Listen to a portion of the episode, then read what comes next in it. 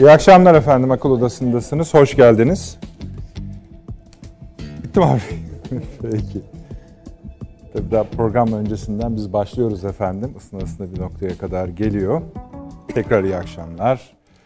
Ee, madem öyle başladık ilk önce hoş geldiniz diyeyim. Sayın Avni Özgür burada. Hoş geldiniz abi. Profesör Doktor Seyman Seyfi Öğün hocam burada. Kıymetli hocam hoş geldiniz. İstanbul Ticaret Üniversitesi öğretim üyesi.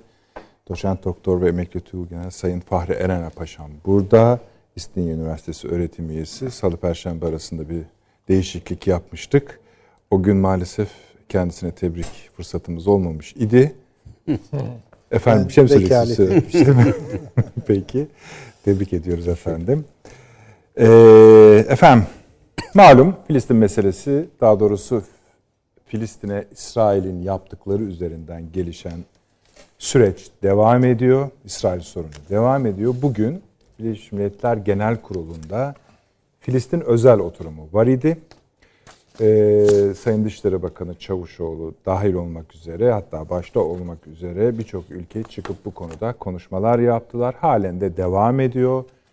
Kuveyt, Pakistan, Ürdün, Katar, Filistin, sair ülkeler, sair ülkelerin Dışişleri Bakanları çıkıp tek tek İsrail konusunda, Filistin konusunda bu meselenin ne kadar rahatsız edici olduğu hususunda konuşmalar yaptılar.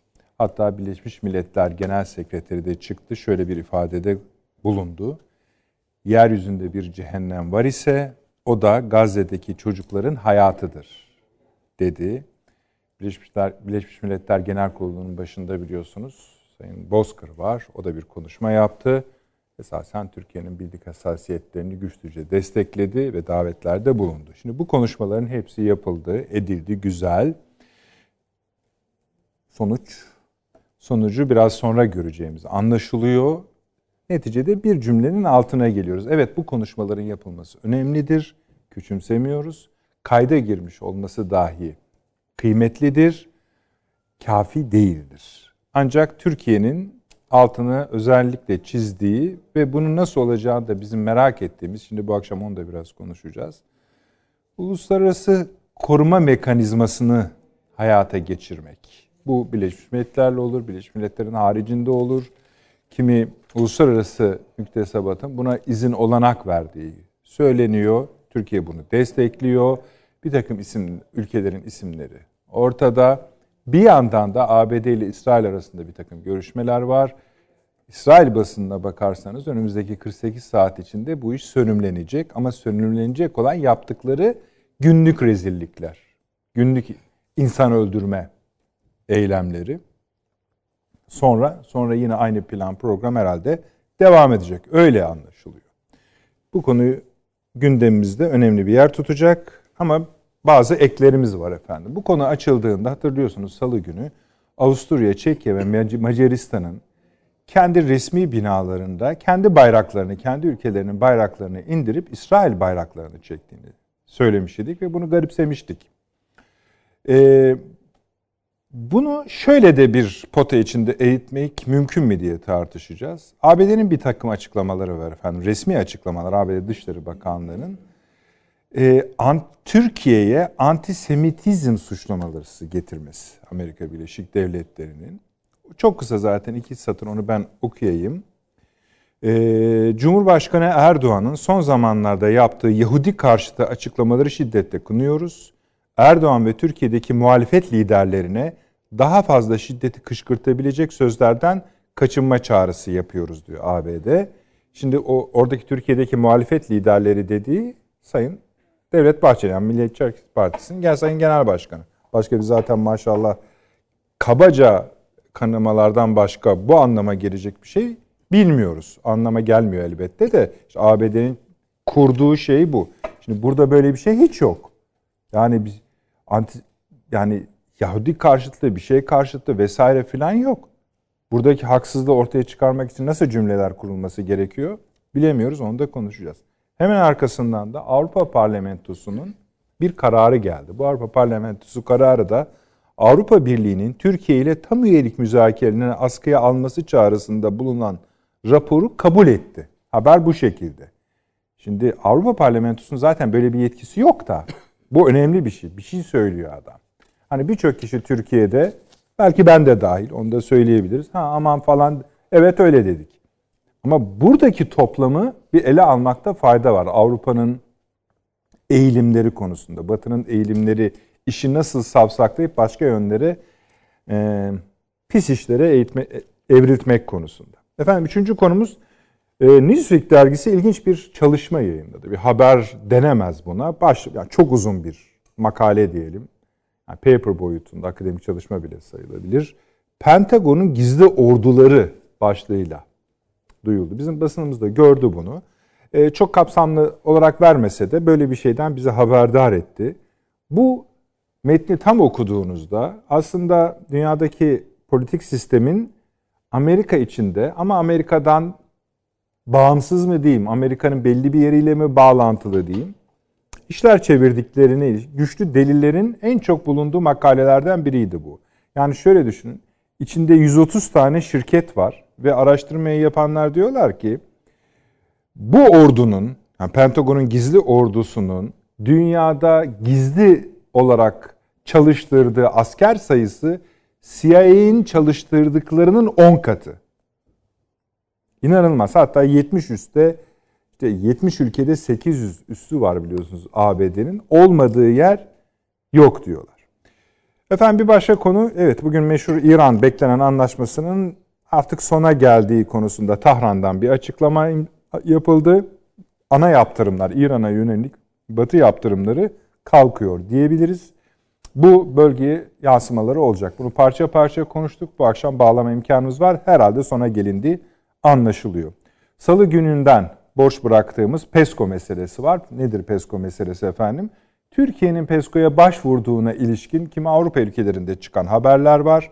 Allah'tan bu akşam e, Fay Paşa'mız burada. Bu nedir, ne değildir, ne anlama gelir onu biraz daha konuşacağız. Eğer hakikaten bu böyle resmi sanırım bir büyük projenin parçası ama bir işaretse bunu daha önce değerlendirmemiz gerekiyor. Daha ufak parçalar var. Mesela Şansölye Merkel çıktı dedi ki bu da e, buraya kadar biliyorsunuz aynı Berlin aynı konuşmaları tekrarlamıştı. Antisemitizm başka bir konu. Buna kızıyoruz. Bu, bu şekilde meselenin İsrail-Filistin meselesinin ele alınmasına karşıyız. Ama bir de orada yaşananlar var. İsrail devletinin uyguladığı politikalar eleştirilebilmelidir. Eleştiriyoruz diyor. Onun içinde bir ifadesi var. Havas'la, Hamas'la görüşülmelidir. Açık olur, kapalı olur dedi ama görüşülmelidir. Bu da önemli notlardan birisi.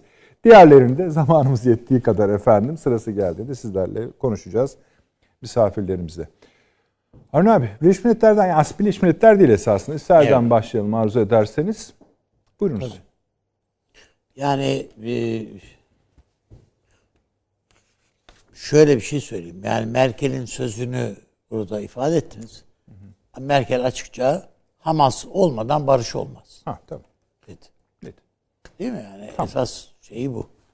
Ee, orada Amerikalı senatör bu Sanders. Evet o da önemli. O da şey var. Bernie Sanders. Süleyman Hocam. O da diyor ki yani efendim 12 İsrail vatandaşının öldürülmesi bir trajedidir. Ama 200 küsür e, Filistin vatandaşının öldürülmesinin trajedi olmadığını hanginiz söyleyebilirsiniz diyor. Bu da Senat, Amerikan Senatosu'nda yapılan konuşma. Evet. Ama bunlar tabi sadre şifa mı? Aa ne güzel işte karşılığı var demek ki yani bu şeylerin filan. Hayır. Yani değil tabii ki. Ne Amerikan siyaseti. Yok saymaya da yani gerek yok yani. Ha tabii. Yani bu Amerikan siyasetinde bir değişiklik anlamına gelmiyor. Avrupa'daki zihniyette bir değişiklik anlamına gelmiyor. Hiçbir şey anlamına gelmiyor esasında. İsrail yine yapacağını yapıyor. istediğini alıyor, götürüyor, koyuyor filan filan filan. İşin bu bu bir boyutudur ve geçen hafta ya da bu hafta geçen programda söylediğimi tekraren ifade edeyim. Benim kanaatimde değişiklik yok. İsrail'in canı yanmadıkça ve dolayısıyla Amerika'nın canı yanmadıkça bu mesele e, bu son Filistin toprağı da böylece elden çıkarılana kadar dayanacaktır bunlar. Çünkü ya, e, İsrail bir göçmen ülkesi, memleket. Dünyadaki bütün Yahudileri esasında doğal vatandaş kabul ediyor zaten. Yani ipini kopar gel. Gel buraya. Gidiyorsun adam sana bir mekan göstermek zorunda. Sen burada alın bu ya bu efendim yerleşim yeni yerleşim yerleri diyor ya. İşte o göçmenler için yeni yerleşim yerleri. Ve bu göçmenler bitmeyecek. Hep arkası arkasına da kesilecek, kesilecek. Yani o bakımdan hep bu Arap veya Müslüman e, dünyanın aksine onun aleyhine bu alan daralarak devam edecek bu iş. Ta ki ha pabuç pahalı. Ha, o kadar kolay değil yani. Çünkü her devletin ya her ulus memleketin, milletin kendisinin bir vaat edilmiş toprağı var yani. Yani eğer hepimiz bu bunların peşine düşersek yani yan, yandı gülüm keten elva yani Çinlisi de ağlasın, Avrupalısı da ağlasın. Yani bizim kızıl elmaları yan yana koyduğumuz çok uzun yol o tutuyor. sepet ya o yani, kadar elmayı hiçbir evet, sepet kaldıramaz evet, yani. Kaldırmaz. Dolayısıyla yani bu bu bu bu e, o e, kötü bir tabir yani. Bu vaat edilmiş toprak meselesi. Yani bunu sanki bir şeymiş gibi defakto bir durum yani bu bunların böyle bir durum var kardeşim. Yani sanki bir haklarıymış gibi e, tanımlamaya çalışılıyor ve savunuluyor yani resmen. Yani bunun, burası onların yani tarihsel mekanları kardeşim yani. E tamam iyi hepimiz tarihsel bu yani neydir diye otur çökersek eğer yani komşularımızın hiçbirinin oturacak yeri kalmaz zaten. En başta İsrail olmak üzere. Neyse yani bunları geç şey yapmak istemiyorum. Ama bu e, Birleşmiş Milletler Genel Kurulu falan bunlar hepsi yani yürek yelpazelemekten başka bir işe yaramaz. Tekim bugün de öyle olacaktır. Tabii orada gayet güzel, iyi niyetli konuşmalar da yapılacaktır. Yani buna hiç kimsenin bir itirazı olamaz zaten. Yani yapılacaktır ama sonuç. Yani, Peki şu birden çok söylendiği için altını evet. çizmek mecburiyetindeyiz. Uluslararası koruma mekanizması Türkiye'nin takip edeceği anlaşılıyor. Güçlü vurgular yapmaya devam ediyor. Canım takip edebiliriz. Ama önemli olan bunu yani yoksa Türkiye bugün bir yerde şimdi kim olduğunu tam iyi hatırlamıyorum ama yani e, bir şey vardı. Türkiye Filistin'e asker göndermeli falan diye. Hı. Vardır yani gönlünde herkesin geçebilir böyle şeyler. Hı. Ama e, sonuç bir tek Türkiye'ye mi düşüyor bu iş? Hayır yok. E, sen gönder diyorsun. Hayır yok. O ben yok falan diyor. Yani e, bakıldığında Türkiye'den daha ciddiye alarak bu meseleyi takip eden diploma yani siyasi riski işte Sayın Cumhurbaşkanımızla ilgili Amerika Birleşik Devletleri'nden gelen tepkiyi gördük. gördük. Hiçbir Avrupa, Arap devleti, hiç başka bir Müslüman devlete yönelik böyle bir tepki yok Amerika'da. Çünkü onlar sineye çekmişler bu işi. Bize yani bu aba altından sopa yani başlıyor. Buna tabii, devam tabii, edersen tabii, tabii. seni başka şeylerle de. Evet. Be, ama Cumhurbaşkanı da ne dedi? Bedeli neyse onu da öderiz. Tabii, eyvallah. Yani onun için Türkiye'yi böyle ürkütmeye çalışmak falan bunun pek çok ben bir pratik bir faydasını Amerika açısından da görmüyorum. Ya bu zaten geçen programda da biliyorsunuz bu Amerika tartışmasını yaptık. Yani oluyor, ne bitiyor bu Amerikalılar na, nasıl yapıyorlar falan diye bak şey yapıyoruz. Ee, buna birincisi bakmak lazım. İkincisi evet başka şeyler de yapabilirler. Ha ne yapabilirler? Bir, bir süredir görüyoruz mesela Türkiye'de Değil mi? Bir kaset furyaları devam evet. ediyor filan değil mi? Evet. Ya bunlar da öyle küçümsenecek işler değil yani. Ha, ne alakası var diyeceksiniz. Filistin'le falan bir alakası yok ama Amerikan siyasetinin, uluslararası siyasetin, bir uluslararası zihniyetin, anlayışın yansımasının uçlarını, ipuçlarını buralarda görmek mümkün. Yani bakıldığında adam zaten söyledi. Yani biz Türkiye'deki siyasi iktidarı hatta daha da doğrusu Tayyip Erdoğan'ı istemiyoruz. Biz bunu onu devirmek için muhalefette işbirliği yapacağız. Bu dedi değil mi yani? Tabii hayır. Türkiye'de devirmek kelimesi toplandı. de metaforik değil. Kullandığı tabii, o kelime. Tabii canım kendisi açıkça geldi söyledi. Türkiye'deki e, muhalif kişilerle geldi İstanbul'da toplantılar yaptı. Onlara çoluklar, çocuklarının filan bile değil mi? Yani tıpışladığı ne oluyor ne bitiyor. Yani inşallah güzel günler göreceğiz filan şeyleri filan. Yani bütün bunlar oldu.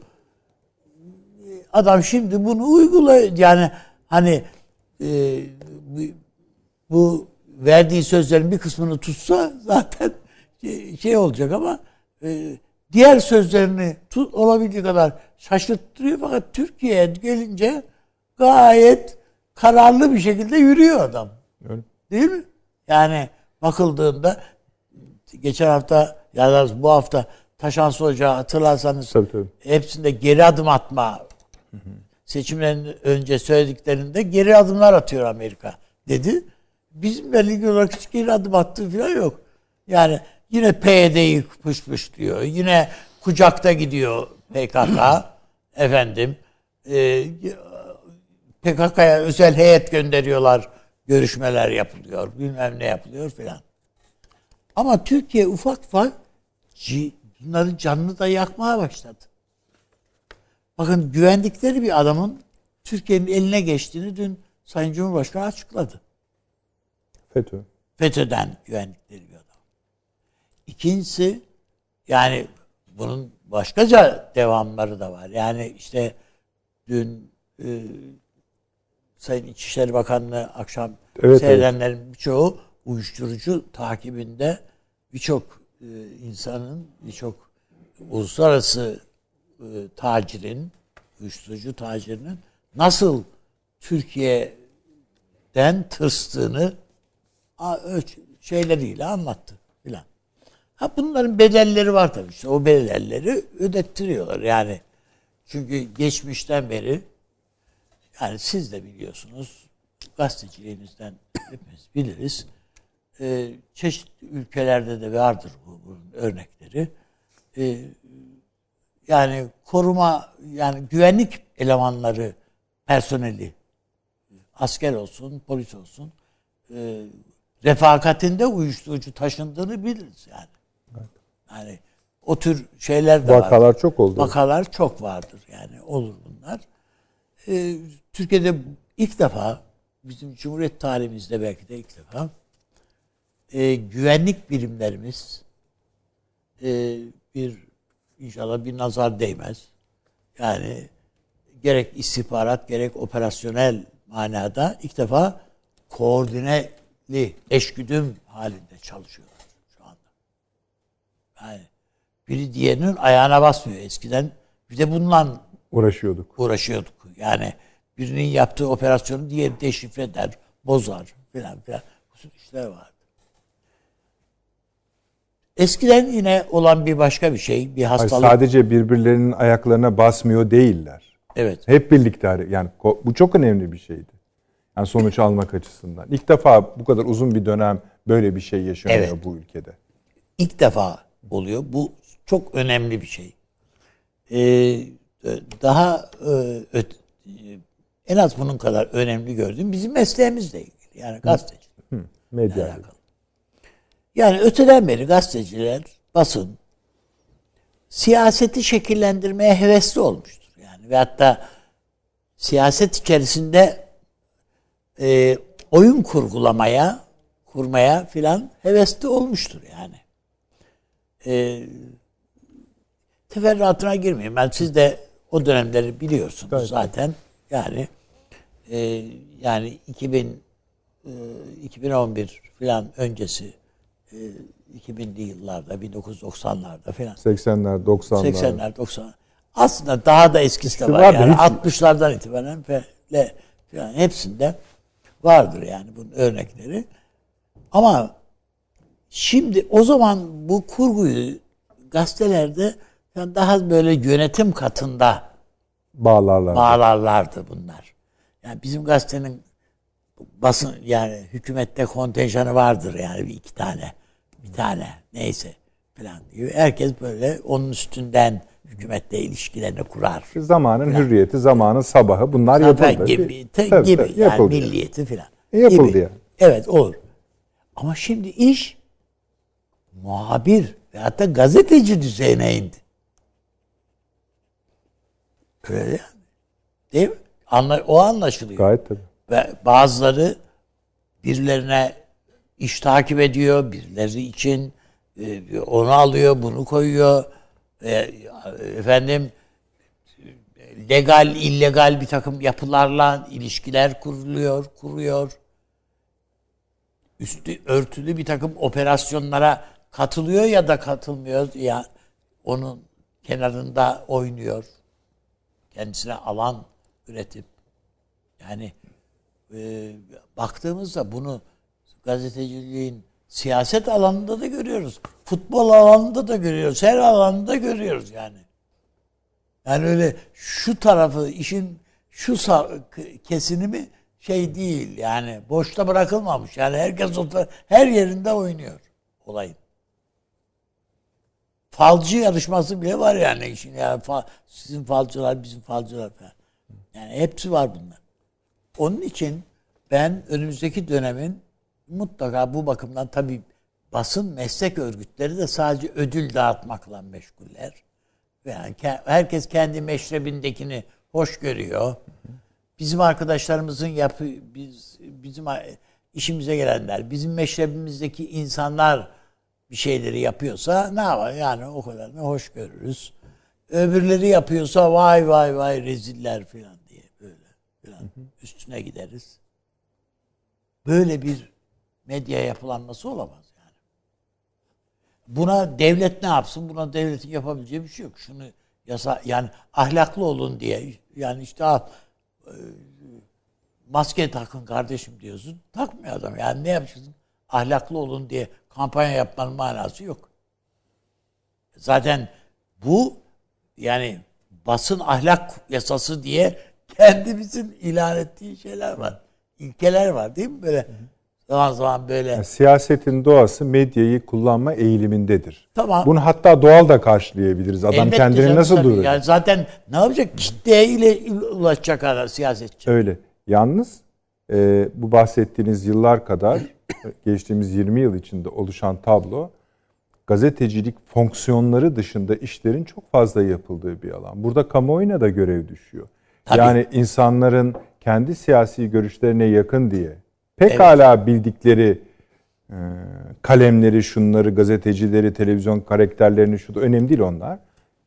Kayıtsız şartsız desteklemeleri diye bir şey söz konusu olmamalıdır. Bu sefer doğru dürüst işini yapan gazetecilere de alan bırakılmıyor. Ya düşün Türkiye'nin e, yani iktidar partisi de ana muhalefet partisi de bir bakıyorsun birilerinin tehdidini altına da giriyor. Ya böyle bir şey olabilir mi yani? Veya onu gücendirmeyelim telaşına düşüyor birileri. Dolayısıyla bu bu son derece yanlış bir şey. Peki. Buna dünyanın hiçbir yerinde buna izin de verilmez. Hı hı. Ama hiç değilse mesela bunu yaptığınızda ki e, hakikaten doğru ve tutarlı olsanız. O zaman da gam yemem yani. Hı hı. Yani evet düstur çekiyorsunuz, ayar vermeye veriyorsunuz ama doğru. E birader ne diyelim yani ad, e, e, bunu yazan da doğru insan.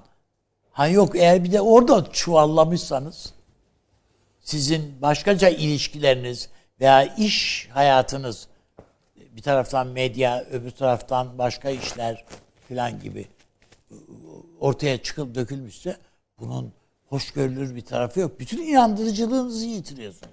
Sadece sizin inandırıcınız değil, olduğu gibi medyaya inanmaya başlıyor. Eskiden ya bunu gazeteciler, gazeteler bile yazdı diyorsun yani. Diyor, deniliyor idi. Şimdi adam diyor ki ya dur bakalım ya gazete yazdı ama dur bakalım doğru mu? Tabii. Yani yüzde yüz doğru yazdığınız şeye Tabii, dahi, dahi ha, onlar da arada bir gidiyor yani. işareti koyuyor adam yani. Peki Bunun, abi. yani mesleğimiz açısından Yani Sa- kamu yararına iş Türkiye'de yapan bir meslek. Siyaset açısından hep devamlı siyasete vurmakta bir adet var yani. Siyasete vuruyorsun, iş dünyasına vuruyorsun. İşte şuna vur, üniversiteye vuruyoruz. Değil mi? Ama bir de işte bu da var yani bu bu, bu Kend- meslekte var. Medya var. E, yani bu, bu da birleşik kaplar gibi yani bunun da temiz olan bir tarafı yok şu anda. Hayır ta- tersine artı yani fazlası var. Bir de biz yanlışı aktarmakla mükellefiz kamuoyuna. Ha. Doğruyu da tabii taltif edici yani kamuoyunun bilmesi gerekiyor. Ama yani e, yani izleyicilerimiz herhalde buna katılacaktır. Onların da desteği gerekiyor bu işe. Kesinlikle. Yani bu çok önemli bir şey. Şimdi Hatta bir belirleyici şey- onlar Evet, onlar. son bir şey söyleyeyim. Yani işte az önce dedim yani bu Türkiye'deki muhalefetle birlikte biz Erdoğan iktidarından Erdoğan'dan kurtulmak istiyoruz. Tamam. Şu Erdoğan'ın yani ben bugün yazdım da esasında bunu. Erdoğan'ın AK Parti'nin tabii çok içerisinde değerli isimler de var. Yani bunu diğerlerini şey yapmak istemem ama yani e, oper, şey yani kamuoyunda yaptıkları iş dolayısıyla onun özelliği dolayısıyla e, şey yapan işte bir Milli Savunma Bakanlığı bir de İçişleri Bakanlığı değil mi yani Evet. bütün bu operasyonlar şunlar bunlar. Ya bir tek istifasını verdiği anda e, şey e, efendim Süleyman Soylu halkın ne, tepki gösterdiğini gördük biz sokakta. Yani gördük. Dolayısıyla bu siyasetin dayandığı insanlar var. Tayyip Erdoğan'ın siyasetinin dayandığı insanlar var. Bu bu dayanakları eğer Tayyip Erdoğan'ın altından çeker, koparırsan Tayyip Erdoğan da sıkıntılanır. Onun için çekip koparmaya hevesli insanlar var. Buna da bakmak lazım. Peki. Çok teşekkür ediyorum. Aktüel bir konuydu. Değinmemek olmazdı. Değindik. Süleyman Hocam. Evet. Siz Birleşmiş Milletler Ka- Genel Kurulu'nda İsrail'den buraya geldik ama yani işte bu. Evet, konuşuluyor evet. Evet. Şeyden bahsediyoruz malum. İsrail-Filistin meselesinden, Birleşmiş Milletler Genel Kurulu'nda yapılan konuşmalardan. Sonuçta tabii hani ben tabii o sonuçta geleceği yer neresi öz, cümlesinin altını boşaltmaya çalışıyoruz. Doldurmaya da değil yani. Bir, acaba bir yere gelir mi diye. O da geliyor sonunda işte Uluslararası Koruma Mekanizması lafına ve arkasından da Türkiye'nin alacağı role belki de almayacağı role bilmiyoruz yani. Bu kadar ülke var. Biz davaya sahiplen gönüllüyüz. Birinci sıradayız. Ve bunun davetlerinin baskısını da yapıyoruz. Bunun bölgenin bütün politik yapısına, oranın halklarına da etkisi olduğu çok açık. Bu izlenebiliyor. Ee, oranın basın yayın kuruluşları tarafından. Söylüyorlar da esasında. Ee, bu minvalde ne söylemek istersin? Evet. ben katılıyorum tabii e, Avni Özgürel Üstadımızın söylediklerine. Yani bir kere uluslararası hukuk, uluslararası hukukun yaptırım imkanları maalesef çok prematüre bir halde. Yani olgunlaşmadı. Bu iş olmadı. Yani evet ulus devletler içinde demokratik değerleri taşıyan, işleten, hukuk sistemlerini çalıştıranları var. Düzey düzey, derece derece. Yani bir hukuka siyaseti bağlayabiliyorsunuz veya en azından bunun mücadelesini verebiliyorsunuz. Belli şeyler de elde edebiliyorsunuz.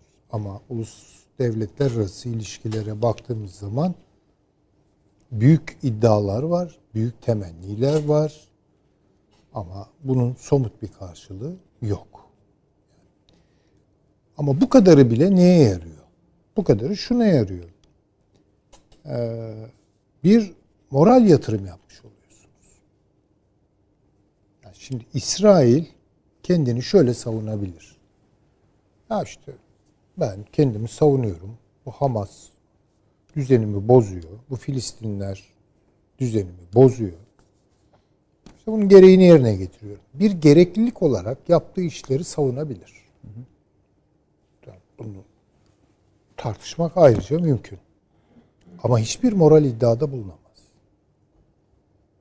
Yani yaptığım Ahlaklıdır ahlaki bir diyemez. şeydir diyemez yani. Bu kısa vadede veya orta vadede reel politik üzerinden elde edebilecekleri elde edebilecekleriyle sınırlı kalır. Yani sadece reel politik değil bir de maht politik yapıyor. Yani zora başvuruyor. Bunlarla bir şey elde edilir bu dünyada. Ama meşruiyet gibi bir şey var. Bir mesele var. Yani meşruiyetinizi de açıklamak zorundasınız. Yani bir takım değerlere referans e, da bulunacaksınız. Göndermede bulunacaksınız. Ve dünya kamuoyları artık ne kadar şaşkın bir halde olsalar da eski dünya kamuoyları da yok ya tabii. Ama bir yere girer bu. Yani zihinlerde bir yere oturur falan. Bence bunu bırakmamak lazım. Dolayısıyla Türkiye'nin başlattığı atak önemlidir. Yani Birleşmiş Milletler'den bir karar çıkartmak, kınayıcı bir karar çıkartmak. E ne var, ne işe yarıyor? E bir işe yaramıyor tabii ki. Ama uzun vadede bir kazanımdır. Tabii sonra zaman öyle bir zaman geliyor ki o işe yarayabiliyor. Yani tabii ki işte yarayacağı anlar gelir işte. Evet. O esas onu beklemek lazım. Şu an burada acil olan nedir? İsrail'de e, acil olan şey nedir? Tabii ki ateşkestir. Tabii ki çocuklar ölmesin. Binalar yıkılmasın. İnsanlar e, evlerini, çocuklarını, eşlerini, annelerini kaybetmesinler. Bu, bu acil bir şey. Ama bunu da son noktaya kadar İsrail yöneteceğini söyledi. Yani bir iki günlük daha işim var dedi. Yani siz ne yaparsanız yapın. İstediğiniz kararı alın. Ben işimi bitirmeden durmayacağım demeye getirdi. Ee, dolayısıyla bu kararın bir e, bağlayıcılığı elbette olmayacaktır. Esasen Birleşmiş Milletler Güvenlik Konseyi'nin işlevsizliği hatta açıkça taraflı oluşu bu sefer tümü üzerinden değil bir ülkeye inmiş durumda. Sadece Şimdi- Amerika Birleşik Devletleri. Yani tabii Birleşmiş Milletler deyince kaç tane Birleşmiş Milletler var? Bir genel kurul var, ayrı telden çalıyor. Bir güvenlik konseyi var, ayrı telden çalıyor. Yani ama Güvenlik işi Konseyi içinde ayrı bir üçlü var. Onlar Ha, apayrı. onlar kendi aralarında başka bir şeyin hesabını yapıyorlar filan. Ama şu genel kurulun moral bir ağırlığı var. Yani bakın e, dikkat buyurun bu e, şeyde e, Kudüs'ün İsrail'in başkenti yapılması sırasında Birleşmiş Milletleri Güvenlik Kurulu'nu Türkiye harekete geçirdi. Ve orada yani bir dünya kamuoyu ağırlığı çıktı. Yani bunun da bir moral ağırlığı oldu. Hatta bu ağırlık karşısında şaşırdılar. Yani bir de böyle bir şey vardır. Bunu tekrar edecek muhtemelen. Ha müdahale orada bir barış gücü oluşturup sakın kimse bunları bu olmaz. Yani bir kere bunu İsrail asla kabul etmez. Peki hocam tam çok güzel yere geldiniz. Tabii Birleşmiş Milletler barış gücü bağlamında söylüyorsunuz bunu değil mi? Yani- Yoksa mekanizma, uluslararası koruma mekanizması da dahil mi bu söylediğiniz? Yani hangisi derseniz hiç fark etmez. Peki. Yani Birleşmiş Milletler barış gücü gönderme kararı al ki öyle bir şey Yok. Zaten Tamam, o olmayacaktır zaten da. Bosna'ya barış gücü göndermişti de ne oldu? Bir de o var. Bir de o var. Ayrıca Herkes öldürüldü. ayrıca yani Barış gücünün ma eliyle öldürüldü hem de. barış gücünü kabul etmeyecektir İsrail.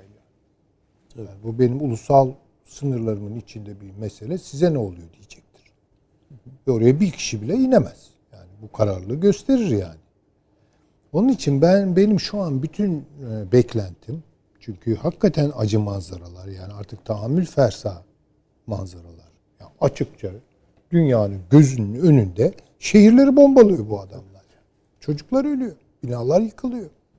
Hocam şunu herhalde ka- kabul ederiz değil mi? Birleş İsrail ne zaman masaya oturdu? Hiçbir zaman. Ne yani. zaman? Hayır şu. El Fetih Kara Ha, Eylül şeyde. varken Ha. oturdu. El Fetih varken oturdu. Tabii tabii. Tabii. Şimdi o, o da ayrı bir mesele. Yani burada Ha, Filistin kim? söylemiyorum da yani. Filistinli kim? Bunlara da bir bakmamız lazım. Şimdi e, kusura bakmayın El Fetih mi temsil ediyor şimdi Filistin'i? Bu Mahmut Abbas denilen adam kimdi? Evet. Bu adam gidip Ermenileri e, sarmaş dolaş, kucaklayan, öpen, bağrına basan, Türkler sizi katletti diyen adamdır bu. Şimdi biz bunlar bunu, evet. bunu mu savunacağız? Bu adamı mı savunacağız? Bu adamın arkasındaki örgütü mü savunacağız? Filistin Kurtuluş Örgütü kirlendi. Açık. Bu kirlenme Yaser Arafat döneminde de vardı. Ve devamı geldi. E Hamas. Hamas'ı da bilmiyoruz. Yine Hamas'ın içinden de tuhaf e, şeyler geliyor. E, ne bileyim kokular geliyor. Ama en azından şu an yakın durduğumuz gene o. E, Türkiye ile e, Doğu Akdeniz'de e, deniz alanı belirleme işlerinde biz sizle anlaşmayacağız dedi Filistinliler. Biz şeyle anlaşacağız Yunanlı. Buyurun. Bakın nerelerden neler geliyor yani. Şimdi bu gerçekleri görelim ama. Ama bunlar böyle diye yan çizecek değiliz. Biz orada gene ağırlığımızı bizim koyacağız. Bizim kaygımız Filistin çünkü. Ha, bizim kaygımız Filistinli, ölen Filistinli çocuklar, ölen Filistinli kadınlar yani bu bir insanlıktır ama gözümüzün önünde ve bunlar bizim kardeşlerimiz yani. Yani Azerbaycan'da gösterdiğimiz hassasiyeti burada da göstereceğiz. Ama Azerbaycan bu hassasiyeti bizim kadar gösteriyor mu? Onu da soracağız. Şu gerçeklere bir de bakalım. Yani Türkiye böyle yalnız kalıyor, bırakılıyor bu işlerde. Pakistan en çok yüksek tonda konuşan. Bugün de öyle konuşma yaptı dışarı. Türkiye yani. Türkiye. Bir de geçen e, şeyde o, e, oturumda konuşmuştuk. Yani nereden çıktı bu işler birden falan. İşte orada Rusya'nın bu işe müdahil olduğunu ve Rusya'nın bu çökmek tabiri bugünlerde çok kullanılıyor. Hı hı. Ama Rusya'nın İsrail'e çöktüğünü görüyoruz. Hı. Yani çöküş var, çöküş var. Çökmek var, çöküş var yani bunlara biraz dikkat edelim. Yani İsrail'in üzerine çöküyor. Orada bir Rusya peydahlanıyor. Amerika ile Rusya'nın orada bir kavgası olacak. Yani bir sürü faktör var. Ee, Türkiye burada moral bir yatırım yapacak. Peki ben, ben daha söyleyeyim. da zorlayayım o zaman. Şöyle bir şey olsa Süleyman Hocam. Genel fikrinizi anladık. Bir, bir set ülkeden ki onu salı günde zikretmiştik. Önemli değil. İçinde Türkiye'nin de bulunduğu. Mesela Katar'ın finansını da sağladı vesaire. Bir grup ülke oraya da yerleşik hale gelse. Yani üst diyelim. Üste de gerek yok da askeri varlık gösterse. Nerede? Fil işte hani bu cümleyi tekrarlamak zorundayım bu sorunuza. Uluslararası koruma mekanizmasının tamam. parçası olarak orada buna kim ama karar verecek? ihtiyaç yok. Yani Türkiye'nin tezi o. Diyor ki Birleşmiş Milletler'in baktığı zamandan da böyle bir şey var. Tamam. Ülkeler bağımsız olarak müstakil kendi başlarına böyle bir grup oluşturabilirler. Askeri güç oluşturabilirler. Finansı şuralardan sağlanır. Biz bu yapılabilir diyor. Ha, Bunun bu iş, yapılması için bu iş finansman işi mi? Bir masrafı var. Hayır yani masrafı var tabii de. E, tamam, yani finansmanlar yani. oluyor mu yani? Ha, bilmiyorum. Çünkü bunun da bir takım aşamalarını tüketmek de gözüküyor. Mesela Birleşmiş Milletler'e bu konuda başvuruyorsunuz. Çıkacak mı? Çıkmayacak işte. Siz de söylediniz zaten. O tıkandıktan sonra e, tamam madem öyle biz 5-6 ülke vesaire neyse birlikte bunu az mı görüyorsunuz? Az görüyorsanız dahi böyle bir durumun olmasında nasıl bir siyasi yani Çok özür dilerim. Bunu çok hayali etme, yani çok hayali şey buluyorum. yok yani. Koruma mekanizması sayıyla ilgisi yok. Kimsenin bir yere dalaştığı yok. Savaş ilanı. Ya bu ne demektir yani? İsrail gibi bir İsrail var karşınızda. Hı hı. Ve bu bir nükleer güç. Adını koyalım mı? Hı hı. E? Ve bunlar çılgın. Şimdi bir dakika yani bir şey tabii ki bunlar konuşulur. Bak bunların konuşulması da önemlidir. Ben buna itiraz etmiyorum. Ya böyle bir ihtimali dile getirmiş olması bile Türkiye'nin İsrail'in bugünlerde dilimiz dönüyor. Karizmasını biraz çizer yani. Yani buna açık bir ülke gibi onu göstermesi, devlet gibi göstermesi bile bir şeydir. Ama bunun hayata geçeceğini beklemiyordum yani. Çünkü orada da böyle büyük bir beklenti patlaması yaratıp sonra olmadı. Yani buna İsrail böyle bir şeye rıza gösterir mi? Bu mümkün mü? Diyelim ki Türkiye, Pakistan, efendim Katar falan, Katar'ın imkanları, Türkiye'nin askeri gücü, Pakistan'ın oraya nereye gidiyor? Neyi ne yapıyorsunuz? Yani valla o zaman tamam savaşacağız. Sava onu göz önüne alıyoruz yani. Bu ayrı bir şey. Yani gerçekçi olmak lazım. Bu iş bitmedi. Benim üzerinde durduğum e, patlak verdiği ilk günden bu yana bu iş büyüme eğilimi gösteriyor. Esas bence oralara dikkat edelim. Yani orada bir ateşkes sağlanabilir vesaire. Çok kritik demin saydığınız şeylerin içerisinde bence en kritik olan şey Amerikan Dışişleri Bakanlığı'nın çıkıp e, Türkiye Cumhuriyeti Cumhurbaşkanı'nı İslamcı antisemitizm. Şimdi buyurun bakın. Ne suçlaması? Ama bu bu düşünülmeden edilmiş bir laf değil. Tabii canım. Bu kurgulanmış bir laf. Bu şu demek. Yani bu öyle bir laf ki e, sizi bütün dünyada mahkum edecek olan bir laf yani.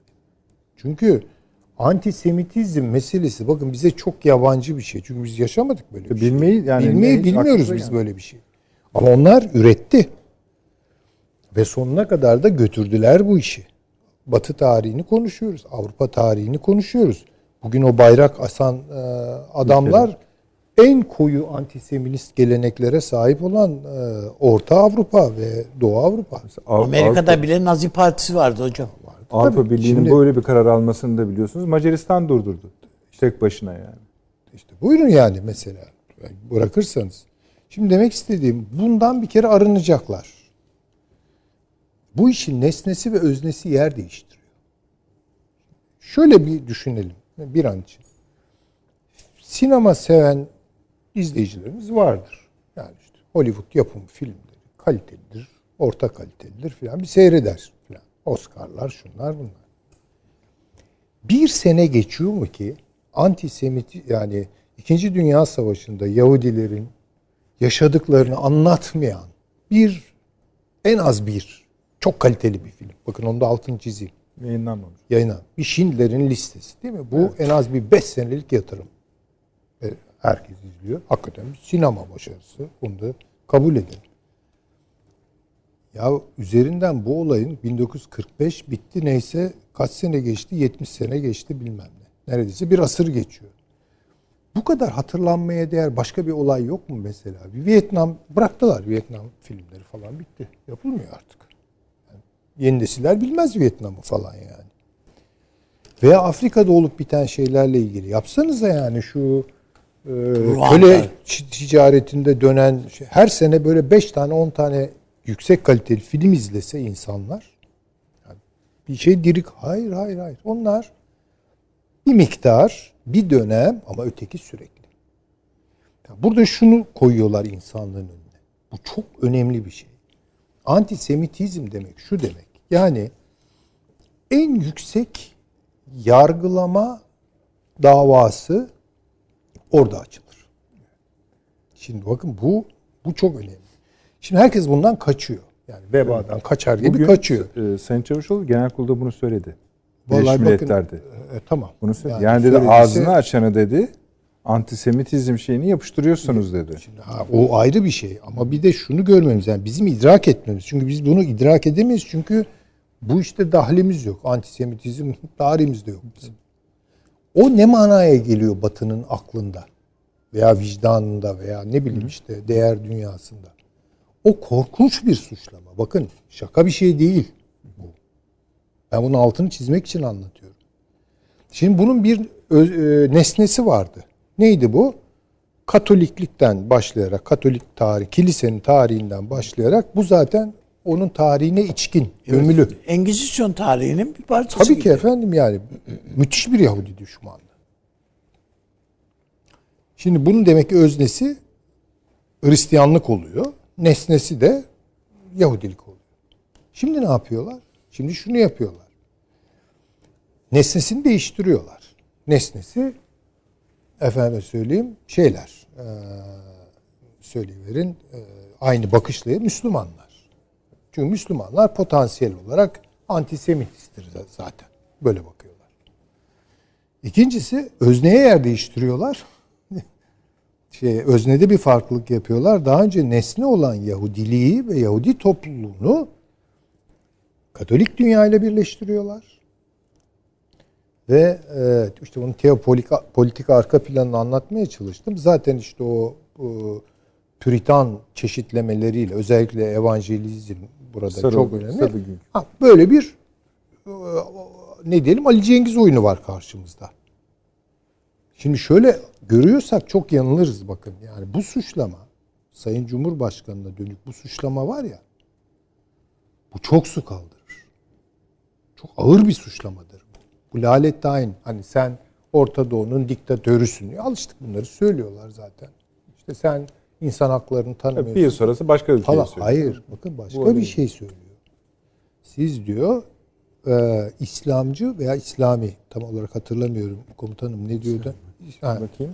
İslam İslami antisemitizm. antisemitizm. İslami antisemitizm min e, bayraktarlığını yapıyor. Evet. Bu ne demek ya? Bu korkunç bir suçlama yani. Bu sadece Sayın Cumhurbaşkanı'nı içermiyor. Bundan sonra Türkler İkinci Dünya Savaşı sonrası Almanların durumuna düşecek demek. Yani biz gezerken ha, antisemitler, semitistler geliyor diyecekler bize.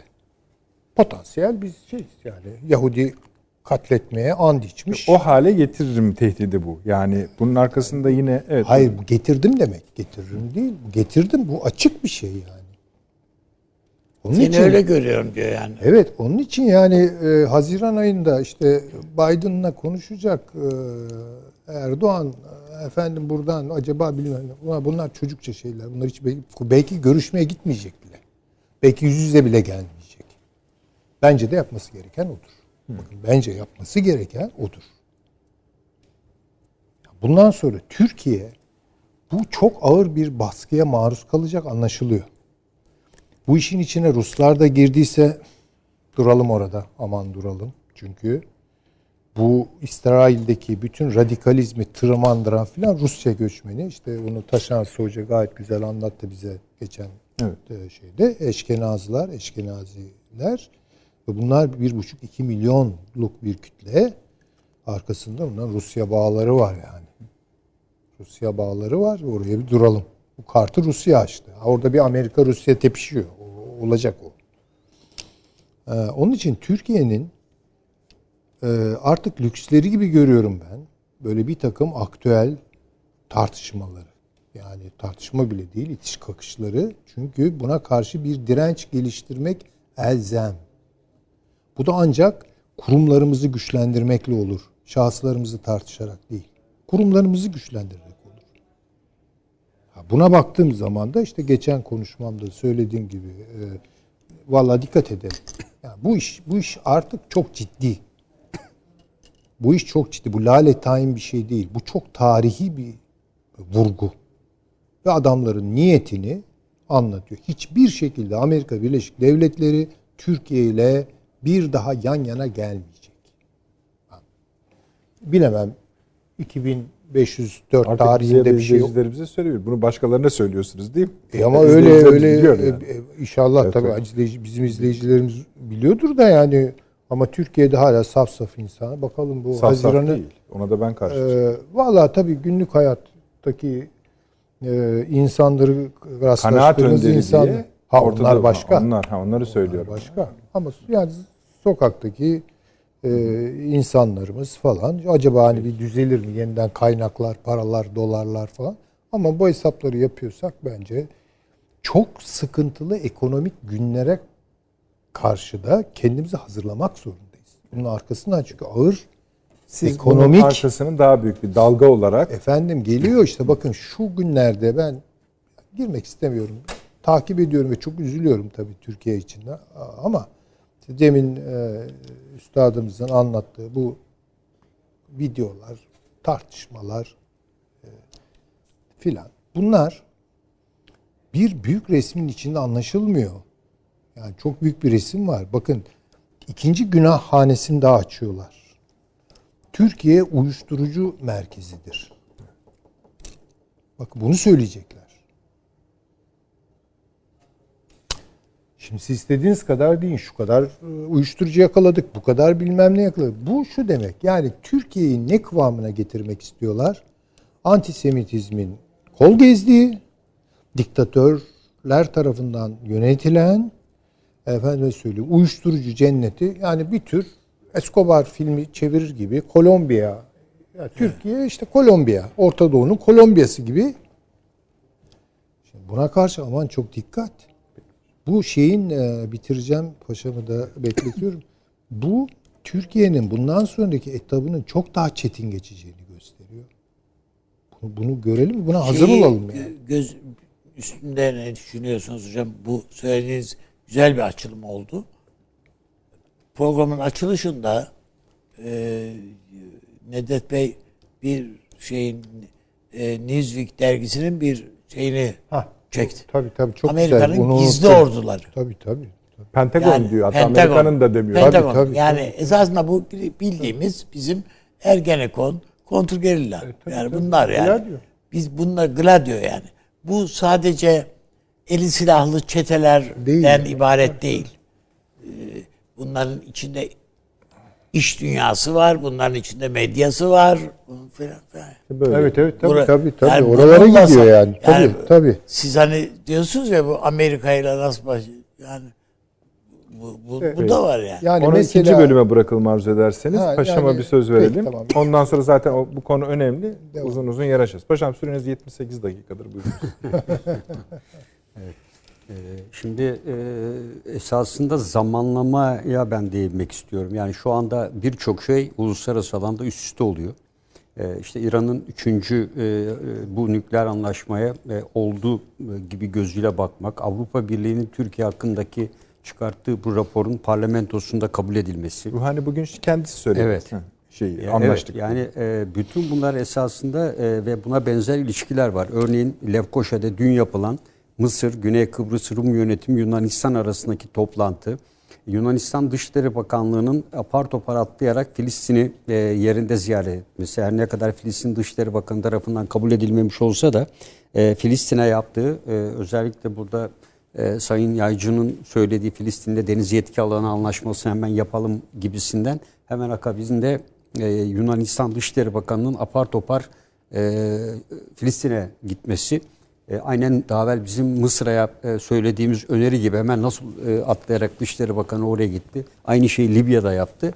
E, yani Türkiye karşıtı bir cephenin de aynı zamanda etkin bir şekilde sürdüğünü görüyoruz. Aktif haldeler. Aktif evet. Yani e, şu anda bölgede dediğim gibi yani bakın İran'dan hiçbir ses duymuyoruz bu konuda. Çünkü İran geçen programlarda da söyledik e, alacağını aldı. 1 milyar doları serbest kaldı. E, arkasından da bu birkaç milyar dolar daha serbest kalacak. E, bu daha evvel de söyledik. Yani Amerika e, İran'a Afganistan'ın e, batı tarafını ve yeni koruyucu gücü olarak deklar edecek. Yani burayı Rusya ve Çin'e bırakmamak için Pakistan ve İran'dan e, bu görevi isteyecek gibi görülüyor bana. E, ve e, şu anda da Suudi Arabistan-İran yakınlaşmasını özellikle e, Prens e, e, Veliaht Prens üzerinden gördüğümüzde e, bu olayın e, aynı zamanda Amerika'nın da etkisiyle bir kurgulaya doğru gittiğini ve bu anlaşmanın nihayetlenmesiyle de e, İran'ın ben e, Körfez bölgesinde elbette gücü devam edecek ama ağırlığını Amerika'nın kuvvet çektiği e, Afganistan'ı e, İran'a teslim edeceğini ben e, değerlendiriyorum. Batı Şimdi bir bölgesi yandan da için. biliyorsunuz bugün Irak dedi ki biz şeyleri görüştürüyoruz. Suudi Arabistan'la İran, İran'ı. İran, evet. Bu da bizim için çok önemlidir dedi. Orada da bir E, hat Çünkü koydu. e, biliyorsun Körfez bölgesinde e, belirli bir bölge var. Yani Bender Abbas ve bölgesi buraları çoğunu Arap olduğu için e, bunlar zaman zaman aykırı hareketlerde bulunuyor. Büyük Orta Doğu projesinde de buranın Suudi Arabistan'a bağlı olması gerektiği ifade ediliyor zaten bölgelerden biri bu.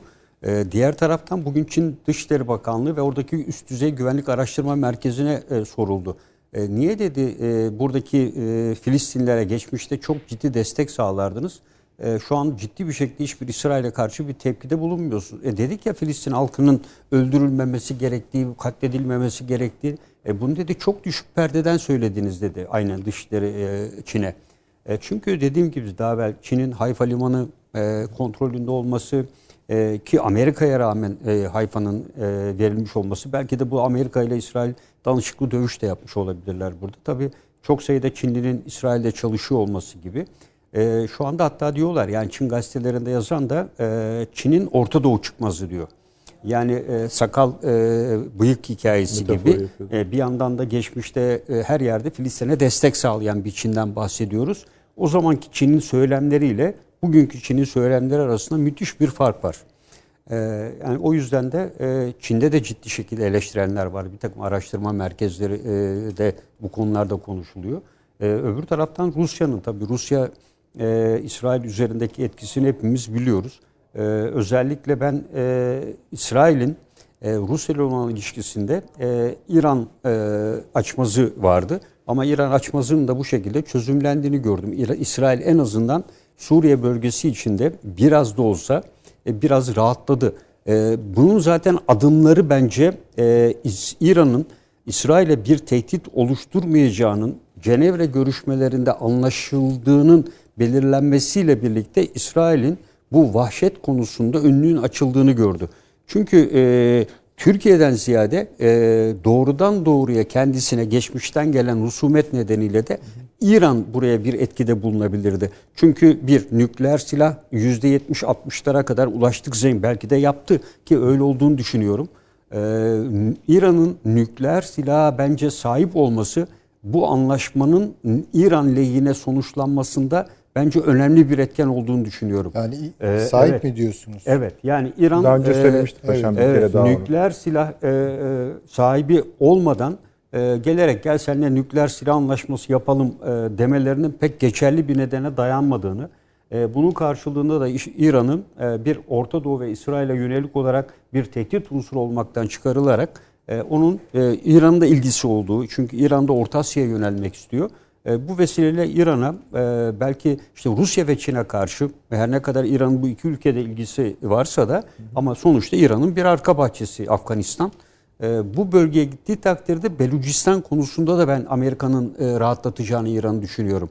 E, çünkü Belucistan'daki Kürt ayrılıkçı hareketi de CIA tarafından kurulan bir yapı. Bu net ve açık. Yani bir aydır e, okuduğumuz evet. yani İran'ın gittikçe bölgede herkese göre, herkesin ona göre ayar alması gibi evet. ortaya evet, çıkıyor. Evet. E, yani İsrail e, bu e, arkasındaki desteği demeyeyim de e, bu ortamı İran'ın e, Cenevre görüşmelerindeki bu mutabakatın sağlanacağı konusunda. Hı hı. Çünkü kendisini direkt tehdit edecek başka bir nükleer güce sahip şey, olacak şey bir ülke yok. bugün Tahran. Yani ufak tefekler kaldı. Hepsinde anlaştık. Yani yüzde yüz demektir o da. Yani, tabii yani, tabii, yani iki, şey, iki şeyi tabii. diyor seçimlere kadar sonlandıracağız. Bir, üzerimizdeki yaptırımlar kalkmış olacak tamamen. İki, şeyi de durdurmuş olacağız. Ee, Nükleer. Yok yok şeyi, salgını. İşte, evet. Yani dolayısıyla e, bu konuda... E, Zaten 7 milyara tamamlayacaklar tabii, o serbest tabii, tabii, 7, tabii 1 milyarını parayı. bıraktılar. E, evet bu İran'ın geri kalan da serbest tabii, e, İran'ın aynı zamanda müthiş bir bölgesel güç olma konusunda da maddi anlamda da ciddi destekleyecek. Hem seçime daha güçlü girmesini e, de sağlayacak mevcut yönetimini. Yani bu konuda e, elbette İran'da tavizler vermiştir ama dediğim gibi bu bölgede e, hem e, Irak üzerinde de anlaşma söz konusu olabilir. Amerika ile Haçlı Şabi üzerinde bunun etkileriyle ve PKK ile işbirliği konusunda ki bunu hep söylüyoruz zaten. E, ve dediğim gibi burada en çok bundan güçlü çıkan e, İsrail'dir. İsrail'e karşı e, ne yapılabilir derseniz yani ben e, 1897 yılındaki birinci e, Siyonizm Kongresi öncesi bu Herz'in yayınladığı Yahudi Devlet diye bir kitap var. Evet, meşhur. Bu kitabın bu kitapta diyor ki zaten yani e, terör terör yapılarından bahsediyor. Ve buna ilişkin 1926 yılında Hakanak diye bir terör örgütü kuruyorlar. Meşhur. 1931'de kuruyorlar. Oradaki Kral Davut Oteli'nde saldırı düzenliyorlar. 91 Filistinli katliyle başlıyor bunlar ve bugüne kadar gidiyor. Dolayısıyla yeni bir şey değil. Evet uluslararası koruma gücü söz konusu olabilir. Evet dünya bunu Birleşmiş Milletler kapsamında 1950'de deniyor. 1950'de Kore'ye asker gönderilirken e, burada Çin'in karşı çıkması nedeniyle e, Güvenlik Konseyi'nde karar alınamıyor vetolar nedeniyle ve bunun üzerine askeri e, dünya üzerindeki genel güvenlik ve barışın tehdit altına girmesi nedeniyle Birleşmiş Milletler şartından hareketle konu genel kurula aktarılıyor ve genel kurulda tavsiye kararı alınabiliyor ancak. Çünkü ama Amerika ve müttefikler de arkasında olduğu için sahada uygulanabiliyor. Yani dünyada bunun bir örneği var 1950 yılında. Ama bunun uygulanabilmesi için de e, güçlerden birinin bu konunun ikisinin en azından e, arkasında, arkasında durması, durması lazım. Gerekiyor. O tarihte işte Amerika, İngiltere vesaire gibi ülkeler e, bu alınan karar kapsamında e, güç verdiler. E şimdi e, Güvenlik Konseyi'nde tamam e, diğer e, daimi e, üyeler ve geçici ülkeler Amerika dışında bir ara herkes bu durdurulsun diye bir karar tasarısı en azından bir karar tasarısı bile çıkaramadılar. Kınama yani çıkamadı. Kınama çıkmadı. Diğer bütün ülkeler tamam dedi. İngiltere'si, Fransa'sı, Amerika gene hayır dedi. Ee, böyle bir ortamda bu genel kurulda e, ortaya konulsa bile e, bu ancak e, bir İsrail'e karşı daha evvel Kudüs'ün başkent ilan edilmesi kararından başka Amerika'ya İsrail'e karşı kazanılan bir e, zaferden öteye gitmeyecektir yani ama uygulaması olmayan bir zafer. Bunun dışında iki tane daha e, şey şu 2018 yılında Birleşmiş Milletler'in aldığı bir karardan söz ediyorlar ama o kararın tam karşılığı bu koruma gücü şeklinde değil. Diğer bir dayanak da İstanbul'da yapılan 2018'de 7. İslam İşbirliği Teşkilatı e, yani o genel kurulun sonuç, evet. yani Amerika'nın yenilgisiyle sonuçlanan evet. kardeşim paranızı biz veriyorduk sizin dedirten evet. toplantı. Toplantı. Buyurun. Evet. Yani orada da böyle bir gücün e, kurul, e, kuruluyor olmasının e, İsrail açısından hukuki bir dayanağı yok. Yani İslam İşbirliği Teşkilatı 2018 yılı Birleşmiş Milletler kararını baz alarak ben buraya uluslararası mücadele müdahale gücü kuruyorum. Peki bu e, bu bir barış gücü mü olacaktır? Barış gücü oluyorsa karşısında kimle yapacaktır? İsrail bu angajmana girecek midir? İki hat arasında bir ateşkes hattı mı olacaktır? Bu yapı tek başına Filistin ordusunu destekleyen bir yapıda mı olacaktır? Yani bu e, ben e, epey bir Amerika'da barış koruma harekatı operasyonları için eğitim de aldım o süreç içinde. Yani bunun birçok e, aşamaları var. Oraya uluslararası gücü göndereceksiniz de nereye göndereceksiniz? Yani şimdi Kıbrıs gibi iki cephe olur gönderirsiniz. Burada Batı Şeria var, Gazze var, Filistin içi var. Hangi bölgeye göndereceksiniz ve ne kadar güç göndereceksiniz? Bu gücü kim koordine edecek, kim yönetecek? E, na, bunun komutanı kim olacak? E, buradaki herhangi bir şekilde e, tespit edilen hususlar kime şikayet edilecek, hangi kime raporlanacak? Yani bunun sahada fiilen hele hele böyle çok cepheli bir yerde uygulanması e, oldukça zor. Askeri e, güçle gözümü kapatıyorum ve tahayyül etmeye çalışıyorum ki Türkiye El Halil'de gözlemci gücüne asker göndererek katkıda bulundu. Lübnan'da istikam birliği gönderdi mayınların temizlenmesi ve diğer bölgelerde. Onların bile koordinasyonda ciddi zorluklar yaşadılar ki bu Birleşmiş Milletler göreviydi üstelik bu görevler ve Birleşmiş Milletler'in koordinesinde yani işte araya gözlem noktaları konulmuştu o zaman. E, El Halil'de de Türk, Türkiye'ye ait noktalar vardı. Kim ihlal ediyor? Aynı bunu biz e, Suriye'deki e, İdlib bölgesindeki gözlem noktaları gibi e, değerlendirebiliriz.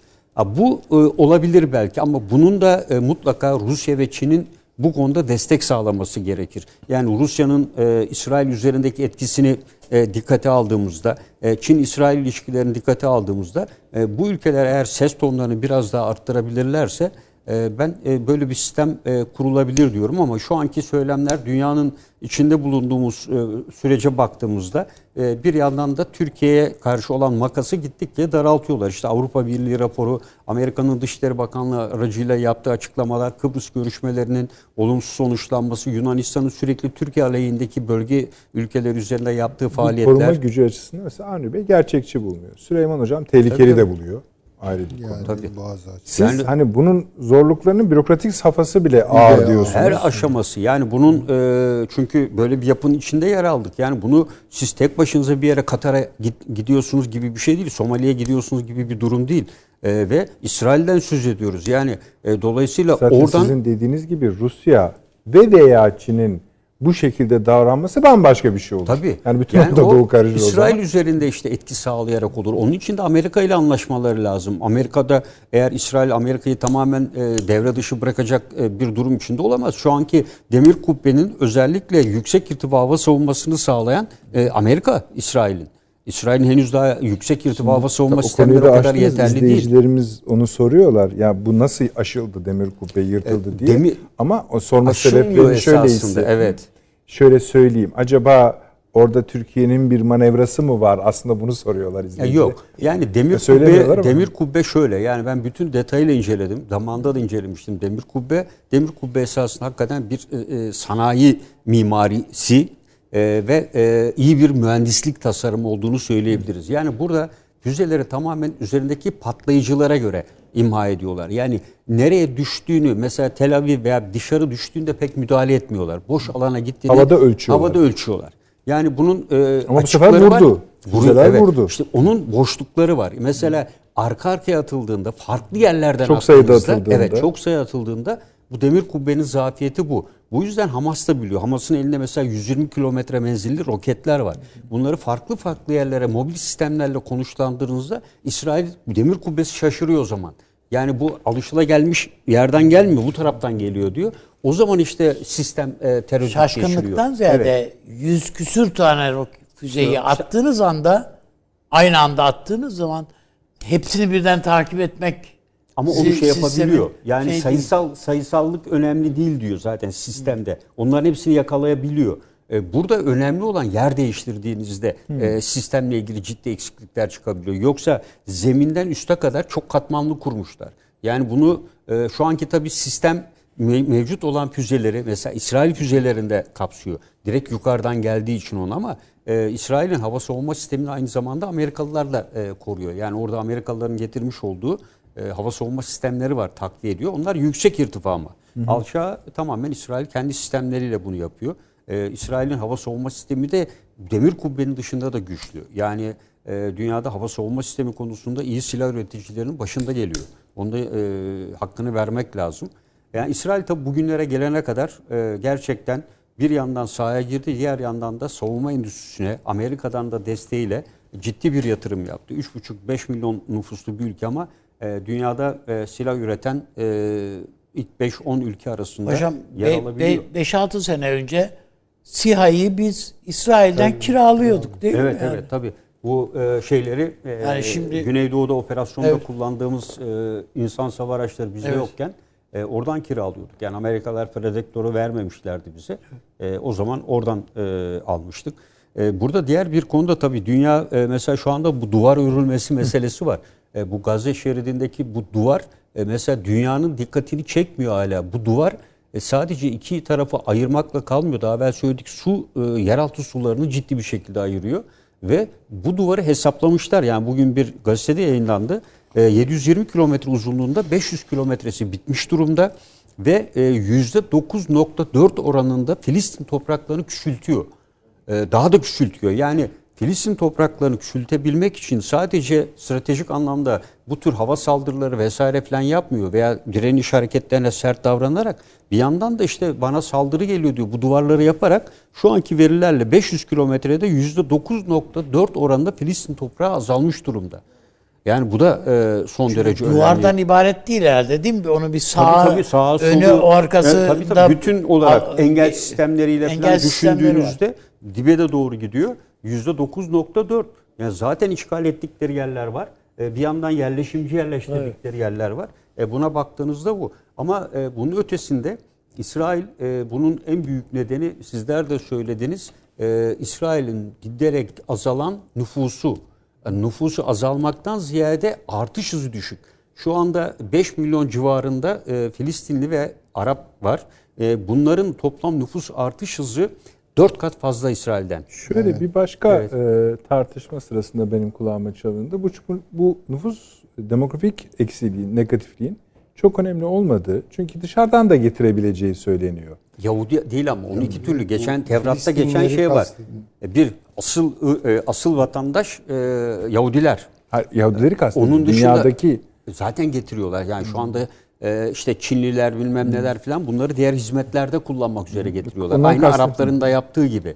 Yani Körfez ülkelerinin yaptığı gibi. Onu İsrail'de kendi e, personelinin, vatandaşlarının daha yüksek, katma değeri yüksek işlerde çalışarak e, iş yapmasını, diğer hizmet işlerinin işte daha evvelden Filistinlere veriyorlardı bunları. Araplar vesaire alıyordu. Şimdi onlara da vermeyip tamamen dış ülkelerden gelenlere vererek bu insanları işsiz bırakarak, aç ve işsiz bırakarak bu bölgeden e, uzaklaşmalarını hedefliyor e, temel olarak. Yani bir de e, 2010'lu yıllara kadar buraya yılda ortalama 200 bin Yahudi geliyormuş göç. Bu son 3-4 yılda ortalama 30 ile 40 bine kadar inmiş vaziyette. Yani yeni Yahudi e, getirmekte ciddi sıkıntı çekiyor buraya. Yılda Bu da çok 200 bin önemli. geliyor muymuş? Evet evet geliyormuş. E, verileri var. Ortalama diyor. Yani ortalama e, 200 bine yakın Yahudi geliyormuş değişik yerlerden. son E, 3-4 yılda diyorsunuz evet, 30-40 bine 30-40 düştü. binlere düşmüş yani bu. Ama işte bunların hepsine de ev lazım. Şu Tabii lazım, işte onun için lazım. yeni yerleşim yerleri açmasının temel nedeni Tabii, bu. temel Ee, giderek şeyi bu. e, alanı genişletiyor. E, bir de tabii son olarak yani bunu e, 1.7 7 milyar varil Filistin topraklarında e, rezerv, petrol rezervi olduğu söyleniyor. Batı Şeria'da da 9 milyon tona yakın yer altında maden kaynakları var. Bunları şu anda işleten 40'a yakın isimleri tek tek yazıyor Dünya Bankası'nın raporunda İsrail şirketleri ve para olduğu gibi İsrail'e gidiyor. Yani İsrail sadece savaş suçu işlemiyor. Başka bir ülkenin topraklarını gasp etmiyor. Bu da ilginç bir E, konu evet. esasında. Yani ayrıca 40 bir kalem. şirket aynı şeyi Dağlı, Dağlı Karabağ'da da gördük biliyorsunuz. Orada da hem ormanları işleten hem uyuşturucu kaçakçılığı yapan, yer altındaki altın madenlerini işleten ama ne Birleşmiş Milletler'in ne de göya Minsk grubunun asla hesap sormadığı Dağlık Karabağ'ın bütün yeraltı ve yerüstü kaynaklarının harcandığı ki bu bence savaş Bu suçundan. Filistin böl- bölgesindeki diyorsunuz. Filistin bölgesinde de var. Dağlık Karabağ'da da aynı manzarayı gördük biliyorsunuz. Azerbaycan. Evet, evet. e, orada da aynı şeyi gördük. E, dolayısıyla bu ülkeler sadece o toprakları işgalle kalmıyor. Yeraltı, yerüstü ateşkes durumundasın sen. Ateşkeste bu ne demektir? Yani e, Kuzey Kıbrıs'ta e, evet bir devlet kuruldu. O süreç gitti ama ateşkes pozisyonda sen gelip de o devletin yer altında altın madenlerini falan o halka ait olan bir şeyi alamazsın sen. Ama bunu işletiyor üstelik Rusya'ya gönderiyor. Rusya'dan altın külçeleri haline geliyor. Oradan satılıyor falan böyle bir düzen kurmuşlar. Burada da aynı düzen var. 40 şirket. 40'ın üstünde isimleri belli İsrail şirketlerin. Batı Şeria'da maden ocağını hangisi işletiyor? Bakın ev yapmak için kaç? 9 tane taş ocağı açmış orada. E, bu yerleşimcilere ev yapmak için. E, buradan toplam e, çalışan insanları hep Arap ülkelerinden ve uzak doğudan getiriyor buradan. E, sırf Filistinlere e, ve Araplara iş vermemek için işsiz kalsın, aç kalıp bu bölgeden uzaklaşsınlar diye. Onların toprakları olan bağlılığını azaltmak istiyor. Yani onu e, daha evvel de söylendi. Şu anda o e, Ceraye Mahallesi'ndeki konutların her biri Ürdün'ün 70 yıl evvel yaptırdığı konutlar konutlar. zaten. Tapusunu bizzat Ürdün veriyor. Ama geliyor kendi hakkı olan şeyleri yıkıp oraya Yahudi yerleşim yerlerini yaptırıyorlar. Şeyde e, Yunanistan'da e, bu Türk az, azınlığa işte imam şeyinde eskiden kendi imamlarını seçiyordu Evet. herkes filan. Sonradan bu İsrailliler dediler ki siz imam kendileri mi? Evet tamam. Yasal veya anlaşmalının hükmü müdür bu? Hayır yok. Ama işte böyle filan diye. Dediler ki Cezayir'den getirttirin. O da Müslüman zaten. Şimdi Filiz, Yunanistan'daki Türk cemaatinin karşısına e, Müslüman imam geliyor şeyden Fas'tan, Cezayir'den. Peki. Yani oradaki Türkler ne, ne yapacaklarını şaşırdılar bu sefer. Peki. Efendim bir size bir çay molası verelim. Reklama gidelim. Sonra Pentagon'un gizli ordularıyla e, Sayın Cumhurbaşkanı'yla Biden arasındaki görüşmenin yapılıp yapılmamasıyla o cümleyi atlamadık. Seyircilerimiz de atlamamış hocam. Sonra hatta Filistin petrolüyle döneceğiz efendim. Geliyoruz. Bir dakika reklam arası. Haberin sosyal medyası gzt.com sizi çok farklı bir okuyucu deneyimine davet ediyor. Merak ettiğiniz sorular yanıt buluyor, henüz duymadığınız şaşırtıcı konularsa karşınıza geliyor. Yorumlarınıza editörler cevap veriyor, arkadaşlarınızla paylaşmak isteyeceğiniz eğlenceli içerikler hazırlanıyor. Sizler için kamera karşısına geçiliyor ve olaylar sıkmadan ve anlaşılır şekilde anlatılıyor. Özel infografikler, videoların yanı sıra burada sayamayacağımız sayıda farklı dergiler. Şimdi telefon ekranınızı daha da anlamlandırmak için sizi davet ediyoruz. GZT uygulamasına iOS ve Android marketlerden kolaylıkla erişebilir, pişman olmazsınız. Mutlaka indirin. Reklam arası sona erdi. Efendim devam ediyoruz son dakika gelişmesiyle. İsrail kabinesi Gazze'de ateşkesi onayladı. Böylece bir ateşkes süreci başlamış oldu öyle söyleyelim. Esasen bunun geleceği biliniyordu. Bir Amerika açıklaması olmuştu. Sonra Biden tekrar aradı Netanyahu ile ilgili. Bunun hani çok uzatılmaması gerektiğine ilişkin. Herhalde onun sonucudur. Çünkü kendisinin bahsettiği süreyi de e, tamamlamamış oluyor ama bu bizim için hemen hemen hiçbir şey ifade etmiyor.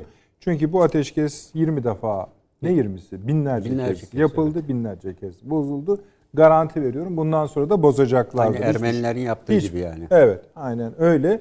Hatta şöyle de yapayım. Arada e, misafirlerimizin birbirleri arasında yaptığı konuşmaları da size hemen ispiyonlayayım. Türkiye'nin bu topraklarda, bu coğrafyada var olabilmesi için artık nükleer silah yapması gerektiğine ilişkin dedikodu yapıyorduk ama çok eminim ki onları bu Evet, ekranlardan da söyleyebilirler. Tabii. Tabii kesinlikle. Sizin Ya, bak, hiç şüphe yok. Ha, yani. siz katılma, katılıyor. Ben hakikaten. katılıyorum Ha, tabii tamam, canım. tabii. Garip olurdu demek zaten yani? katılmamanız. Yani e, başka türlü e, burada e, işte Türkiye hocalarım söyledi. Neredeyse Türkiye bir tek e, haydut devlettir demedikleri kalıyor. Yani onu yapıyor, bunu yapıyor, şunu yapıyor diye dış şeylerde bölünlerle suçluyorlar. E, Türkiye'nin elinde böyle bir gücün olması, olması halinde e, Türkiye bütün hedeflerini de gerçekleştirir ve e, hiç kimse de Türkiye böyle bir sistem çıkaramaz. Yani bizim önümüzde herhalde değil mi? Yani bir 3-5 senemiz var şu yüksek irtifa şeyleri Tabii filan tabii. Yani o, o daha da kısa sürede olacak gibi geliyor Onlar bana. Yani var. yüksek irtifa Bunun çalışmaları yanında çok bir de iyi. evet. eğer bu nükleer e, silah konusunda Türkiye bir belli bir noktaya gelirse Türkiye İran'ın yaptığından daha hızlı bir şekilde uranyumu zenginleştirebilecek Zaten e, gerekli teknolojiye de sahip. şeye sahip. Bir Teknolojiye kıyamette oradan kopacak. sahip. tabii tabii tabii. Ama Kopsun canım önemli de hani kopacak yani. E, o, o kıyamet Bu yani şartlarda olmaz yani. Çünkü elinde böyle bulunduranlara bu tür İran anlaşmalar %65 mi diyordu? Ne diyordu? %65-75 civarı Ha, falan Size diyordu. bakarsanız tamam zaten Yani de. tamam. Hani Yani ben paşam yaptı İran'ın nükleer silah elde ettiğini düşünüyorum. Yani Bu çok önemli. Bu aslında bir sürü belirsizliği de ortadan kaldırıyor. Çünkü burada zaman zaman tabii eksik verilerle düşündüğümüz zaman ister istemez böyle e, kilitlendiğimiz noktalara gelebiliyoruz. Yani defalarca ben de söyledim. İsrail vurur İran'ı. Ama vurmuyor. vurmuyor. Evet. Niye vurmuyor? Bu açıklamayı e, yani paşamızın söylediği açıklamayı imkanlı hale getiriyor. O zaman vuramaz. O zaman İran'la nükleer anlaşacaksınız. var deniyor. Tabii ki. Çünkü burada İran yeni bir Kuzey Kore mi olacak? Evet. Yoksa İran kontrol edilebilir bir nükleer güç mü olacak? Amerika'nın da derdi bence bu. Yani hatta diyorsunuz İncirlik'teki nükleer silahları da oraya taşırlar diyorsunuz. Yani bilemem oraya taşımasalar bile Abi, abi, yok o- hani o biraz Vermeyiz canım. Onu biliyorsun bu meşhur Rubin söylemişti onu. evet. Artık Türkiye'nin e, Amerikan Türkiye'nin incirliğine ihtiyacı yok. Derhal buradan taşınmalı demişti. Yani o adam herhalde her gece Türkiye'yi rüyasında Öyle falan görüyor. Değil mi yani? Evet, bütün neokonların rüyasına da giriyor herhalde. Evet yani her gece görüyor. Rubin'i söylüyorsunuz değil mi? Evet, evet. Öyle yani. öyle Zaten şöyle hocam bu nükleer silah konusunda belli bir noktaya siz gelene kadar İran meselesi de böyle zaten. Bütün dünya bir bağırış çağrış gidiyor. Siz çıtayı açtığınız andan Anda itibaren yani Çiçeklerle geliyorlar. ondan sonra abi gel şu anlaşmayı imzala diyorlar. Peki. Süleyman Hocam öbür konuya geçeceğim ama şu şeyi bir mesela onun vurgusunu biraz üstü kapalı geçtiniz. Yani kötü Buyurun. şeyden ka- kapalı geçtiğinizi düşünmüyorum zaten de bir aslında böyle olmalıdır dediniz. Bu Haziran toplantısı bekleniyor ve burada da bir görüşme olacağı söyleniyor. Sayın Cumhurbaşkanı ile ABD Başkanı Biden arasında öyle bir intiba oluştu ki bu çözücü olacakmış gibi. Aman aman. Ee, fakat siz diyorsunuz ki esasında görüşmese de fena fikir olmaz. E, Yani şimdi bir kere Türkiye bunun açıklamasını beklemek durumunda herhalde değil mi? Sormak durumunda. Yani Amerika Birleşik Devletleri Dışişleri Bakanlığı. Yani bu, bunun şakası yok. Yani Lalettayn bir kongre üyesi söyler falan hadi deriz. Yani öyle değil. Bu resmi açıklama. Bu suçlamayı yaptıysa, bu nitelemeyi yaptıysa bunun e, açıklamasını Türkiye istemek durumunda istedi ve uygun bir açıklama değil. Türkiye'yi tatmin eden özür dileme, geri adım atma yok. Yani diyelim ki affedersiniz neyi konuşacaklar? Bu aynı zamanda Biden'ın fikri demektir. Yani size antisemitizm damgasını vuran, vurmaya yeltenen daha doğrusu bir adamla neyi konu? Türkiye, Amerika ilişkilerini falan mı konuşacaklar? Ne konuşulacak yani? Yani size bütün akrabalarınızı dahil ederek küfreden bir adamla neyi müzakere edebilirsiniz mesela? Bunlar yokmuş gibi. Önce onları bir geri al, değil mi? Önce bir özür dile. Makul konuşalım diye konuşulur. Buna rağmen gidip konuşma o biraz bence tuhaf kaçar. Benim şahsi düşüncem tabii gene Tabii, Gayet tabii. şeyler Zaten bilir burada bunun için. yani. Ama buradan da bir şey bekleyenler varsa ya çok saf ya da dediğiniz gibi çok başka işler peşindeler demek ki. E, Yani var öyle. Yani. Peki. Görüşme teklifi Amerika'dan geldi. Yani Cumhurbaşkanımızla telefon görüşme konuşması sırasında değil mi? Yani Cumhurbaşkanımız rah- rahatsızlıklarını ifade ettiği vakit bütün, bunları Haziran'daki NATO zirvede sırasında görüşelim diye. Şimdi Amerika'dan geldiğine göre bu bir kere resmi görüşme yani öyle hani toplantıya geliyoruz nasılsa orada karşılaşıp konuşalım. Değil. Yani orada görüşelim bu işleri. E bu iki devlet herhalde kendi aralarında bürokratlar ne konuşacağızı bir, bir masaya Yani yatırırlar. anımsatalım şey izleyicilerimize isterseniz. O akşamki telefon görüşmesinin hemen ardından birden çok üst düzey görüşme gerçekleşti. Evet, yani- Dışişleri Bakanları Bir- arasında, Ulusal Güvenlik Danışmanları arasında Sayın Kalın da oldu. Tabii yani daha, daha sonra Onu zaten bağlamak sonra- için sizin dediğinizi. Yani, Yani bu, ne kadar- o Haziran konuşmasına da o buluşmasında neler konuşulacağının detayları. Eğer o detaylarda Türkiye'yi tatmin eder bir şey olmayacak idiyse ki bunlar zaten herhalde Ankara'ya söylenecektir yani Amerika tarafından. Hayır kardeşim biz böyle yani sözleri geri almak gibi bir şeyimiz yok. Yok. Biz Hatta şunlar- şu konular var derste derlerse. gibi o zaman zaten neyi görüşeceksiniz? O yüzden ben mesela Haziran'daki toplantıya gidene kadar Türkiye'nin e, Sincar'a girmesi gerektiğini düşünüyorum. Vurması gerektiğini düşünüyorum Amerika'yı. Yani onu onun duyarlı noktalarını vurması gerektiğini düşünüyorum. Evet, buyur ne konu ne ne ne diyordunuz diye öyle gitmek lazım buna. Peki. Çünkü Suriye'de zayıf şu anda. Yani sadece Suriye'de yaslandığı PKK var. Böyle. Başka bir şey yok yani şu anda. Yani 3-5 danışman filan yani bir iki böyle 200 kişilik filan filan bir askeri varlık. Evet o kadar. E İsrail'i unutmayın ama. Hayır hayır hayır. Onu unutmuyorum. Paşam onu unutmam. Ama e, iş bu bilek şeyine geldiği anda İsrail de o kadar rahat değil. Yani Ama tedirgin İran bir ülke. konusunda eğer böyle belirttiğimiz düşünce Şimdi olursa size- İsrail bayağı rahatlamış olabilir. Ha am- ama Bu şöyle bir ateşkes ta- kabul etmesinin nedeni de Cenevre görüşmelerinin sonucunda da olabilir. ama işte burada Tam onu etkisi oluyor. söyleyecektim. Çok Burada. Yani bir bir- zamanlama buluşması var orada. Burada bir siyaset geliştirmekten söz ettik. E, tabii. Daha önceden de. Tabii, o- yani Türkiye'den beklenmeyen şey Türkiye'nin Suriye ile diyaloğa girmesi. Mesela bu beklenmiyor Amerika'da. Yani Amerika'nın beklemediği bir şey. PKK'nın beklemediği bir şey. Türkiye böyle bir şeye yapabilir. Bunların hepsi yan yana gelebilirse o zaman İsrail de rahatsız. Yani çünkü düşünün size şeyden e, hani e, bankada ilk hesaplaştırdığınız vakit hoş geldin faizi diyorlar ya. O kabilden verilmiş bir e, Golan tepeleri var yani. Bunun bu- bunun senin malın değil bu yani. Birisi geldi sana bu böyle filan. Bu, bu İsrail'i o kadar rahatlatmıyor. Uluslararası bir statüsü yok şu anda. O toprakları sen Ama hiçbirinin yok zaten. Yani Ha, İsrail'in tabii, e, öylesi. ilk olan burada e, Sayın Dışişleri Bakanı da gösterdiği dört farklı zamana ait harita Evet. var.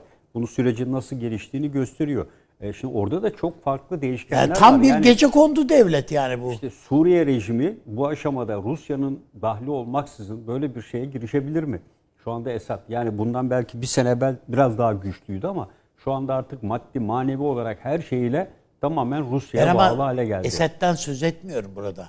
Yani evet Rusya Rusya şu anda e, e, İsrail'in üzerine çöktü falan diyoruz. Ben o çok fazla bana şey gelmiyor yani çöktü diyecek kadar bir şey yok. Rusya için mi? Rusya için. İsrail'in üzerine gitmez yani bunlar. Bunların hiçbirisinin İsrail üzerinde böyle tahakküm kurmak gibi bir şeyleri olamaz. Sadece Amerika'ya fazla e, yaslanmaya kalkarsa Rusya buna homurdanır yani o kadar. Bakın Çin'e Hayfa'yı vermesinde Rusya'nın ciddi etkisi var. Tamam. Ee, yani bu Amerika'ya rağmen İsrail'de verilmiyordu. Ancak e, İsrail'deki Rus e, kökenli Yahudilerin ciddi baskısıyla Hayfa, şey verildi, liman verildi. Yani e, dolayısıyla hem Çin e, hem de Rusya'nın e, İsrail üzerindeki etkileri oldukça ben etkili 2 olduğunu milyonluk bir değerlendiriyorum. kütle çok Tabii. ciddi sonuç doğurur. E, bakın İsrail'in hiçbir hava harekatında bugüne kadar hep söylüyoruz. S-400'lerin bir kere faaliyete geçtiğini kimse gö- görmedi. E tamam niye? evet. Yani İsrail üzerinde tahakkümü olan veya İsrail'in kulağını çekmek Ama hedefleri belli. hisseden- Hangi hedefe gideceğini söylüyor. Ona göre gidiyor. Nereye gidiyor? İran milislerine gidiyor. Ha, yani tamam. Yani onun hedef belli. Ben diyor ki buraları bombalayacağım diyor. Tamam o tarafları söndürdüm, kapattım ben diyor. Geç vur diyor.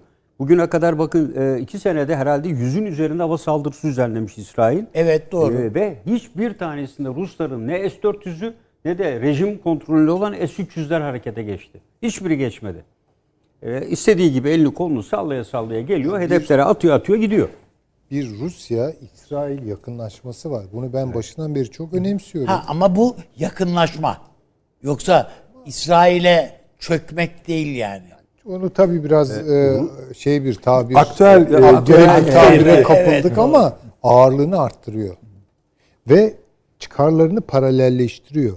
Benim endişem bununla ilgili bir e, belki Suriye konusunda mı? Suriye'de PYD'yi de De, tabii. manipüle edebilir hale gelirse Rusya. İşte bu bu Bu çok tabii. kötü bir şey Bu kötü olur. bir şey tabii. Yani esasında hani iş uzarsa İsrail ile Rusya'nın PYD konusunda Beraber hareket, hareket etmesi edebileceği demek ihtimalinden bahis ediyorsunuz. Tabii. Tabii. Rus bir de Rusya bence hocam şey yapıyor. Yani e, Akdeniz'de NATO'nun Orta Doğu konusunda yeni bir harekat alanı ihtiyacı ortaya çıkarsa İsrail de aynı zamanda CENTCOM'un alanını kapladı biliyorsunuz. O alanı aldı. Tabii. Ve e, Orta Doğu'da e, şey Doğu Akdeniz'de varlığını sürdürebilmek için kendine bir müttefik arıyor. İtti- ya daha doğrusu ortak arıyor. E, şu anda o Mısır'dan o şey yok. Mısır tabii. e, hem güneyi hem kuzeyi hem batısıyla ciddi bir etki altında. Bu bölgede kendisine destek sağlayabileceğini düşündüğü tarihsel bağlantısı da olan e, İsrail olduğunu ben İsrail düşünüyorum. olduğunu yani hem Çin hem de e, Rusya her ikisi de Doğu Akdeniz'de Amerika'ya karşı denge için ve İsrail de bu dengeyi Amerika'ya karşı kullandığını düşünüyorum. Şimdi ben onu diyecektim. Ee, bir önceki programı belki siz izlediniz. Evet. Orada Taşan Hoca ile benim de bakışım e, paraleldi. Karadeniz'de Amerika'nın Rusya'yı sıkıştırması, Ukrayna'da sıkıştırmasının cevabını İsrail'den verdi Rusya. Evet, evet. Hocam buna buna mesela benim hiçbir itirazım yok. Bu doğru. Ama şunu da şu bunu ben yadırgıyorum. İsrail gibi bir devletin, Netanyahu gibi bir adamın, Amerika'daki Yahudi hakimiyetinin, lobi bile demiyorum ona. Hakimiyet yani bu resmen. Medyasında, iş dünyasında, Kongres. ko- her kongresinde, efendim işte Hollywood'unda bilmem nesinde her bir şeyinde yani. Yani şunu hakim- söylüyorsunuz Amerika'yı bile umursamayan adam ha, bu efendim gidip Rusya ile Çin'e rağm olacak. Hiç.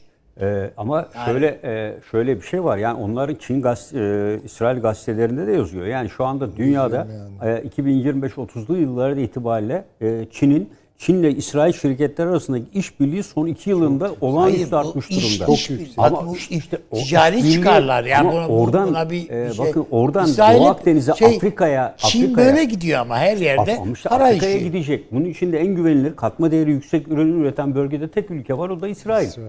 Ya kuzeyden Türkiye ile yapacak bu işbirliğini ama diğer açıdan baktığınızda Çin zaten şirketlerin listesini Dünya Ticaret Örgütü'ne bakın. İsrail'in e, şeyine girin ticaret e, nesi denir işte şirketlerin olduğunu bir sürü Çin İsrail'e ortak şirket Yani olduğunu belki görüyorsunuz. se- Tabii. seyret- Türk şirketleri de var. Tabii tabii Türk. şey e, Günaha Son Çağrı diye bir film yaptılar Amerikalılar. Hazreti İsa'nın Mel Gibson'ın Mel çilesi. Mel Gibson. Mel Gibson. Hazreti İsa'nın çilesi diye.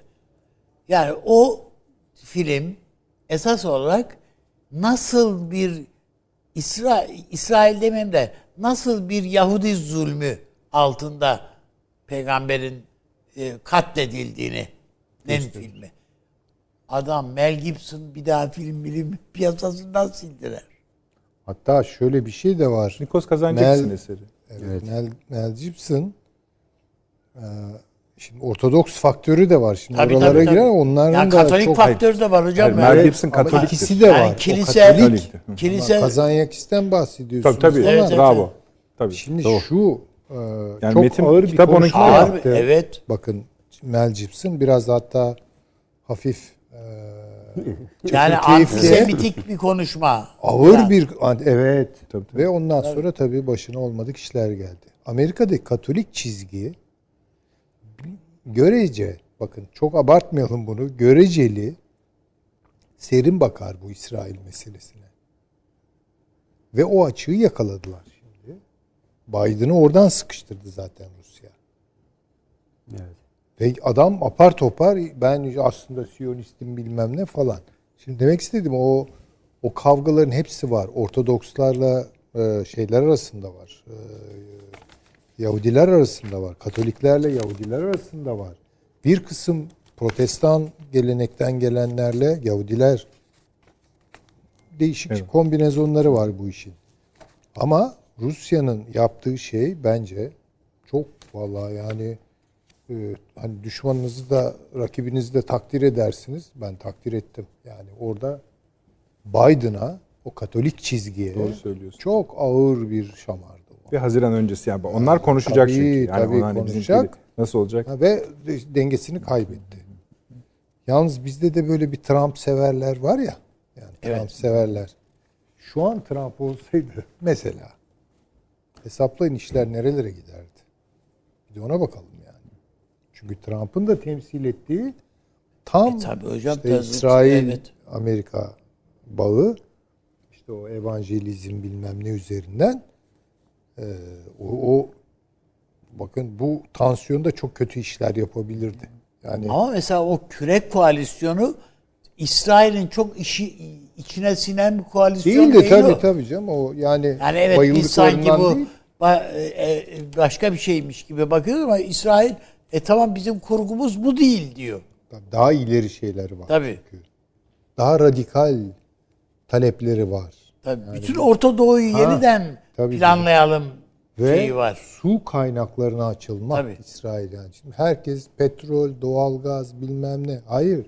İsrail'in önceliği şu an su. Bilmiyorum paşam katılır Evet, mısınız? kesinlikle. Su, Su. meselesi. Su. Galiba Bizim de şimdi bu 0-2'de ara bu Yürüye Katar'la filan su fakat anlaşmalarımız roketler falan devam yine. Tabii. Tabii tabii. Tabii, o saate kadar da çalışacaklar anlaşıldığı kadarıyla.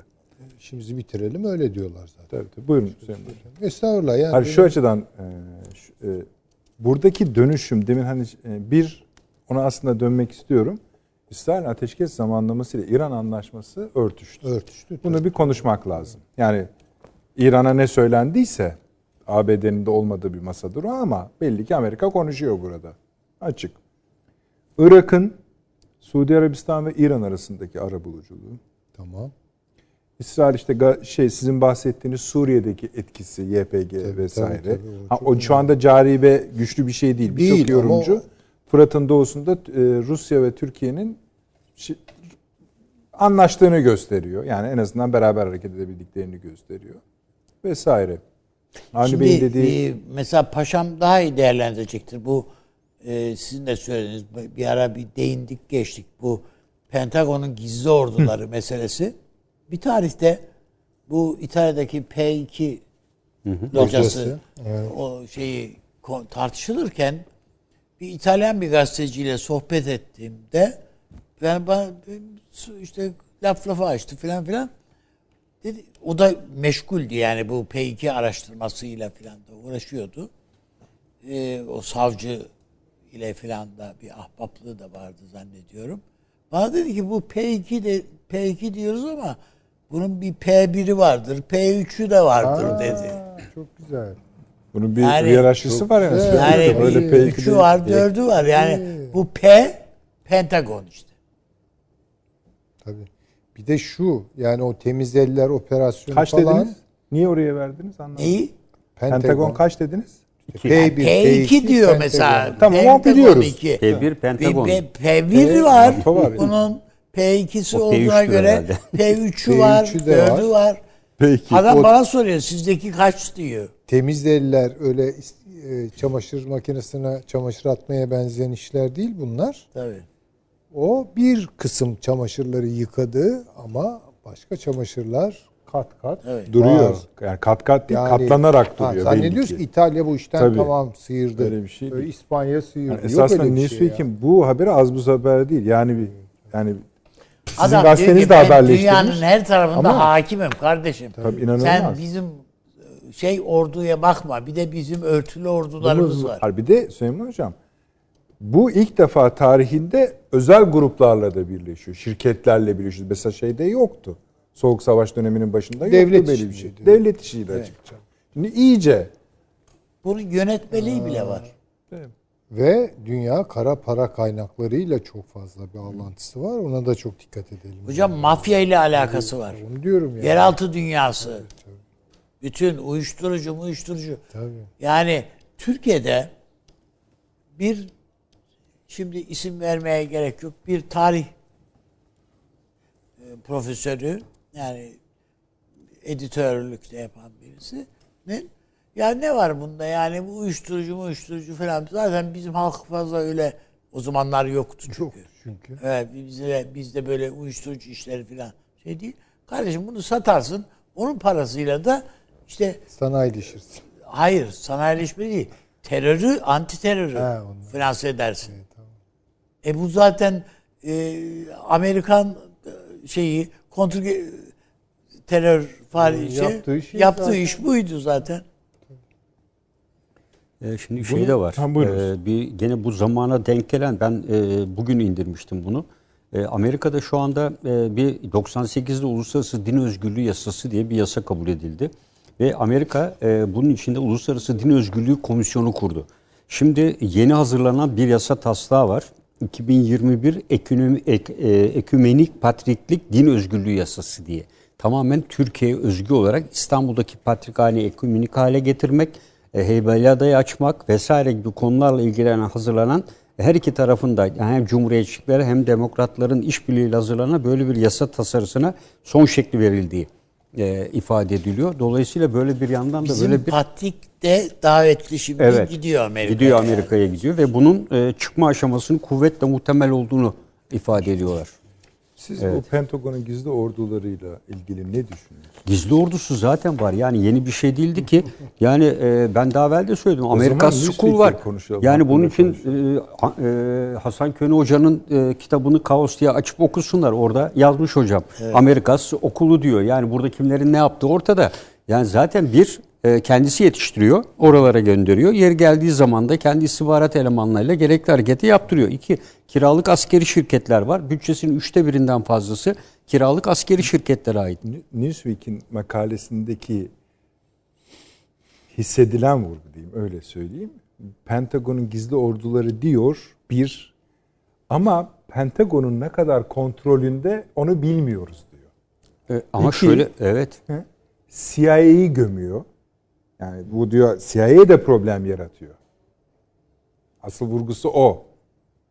CIA'nin başkanının da kim olduğunu hatırlayalım. Yani orada da bir problem var. Kendine ait üsluplarla çözmek istiyordu CIA. Dünya bizim bölgemizi, Türkiye ile ilgili, Rusya ile ilgili, Çin ile ilgili. Kendi planları, görüşleri bunları konuştuk hatırlıyorsanız. Yazı biraz buna oturuyor esasında. O rakamları falan veriyor ama bizim bilmediğimiz rakamlar değil.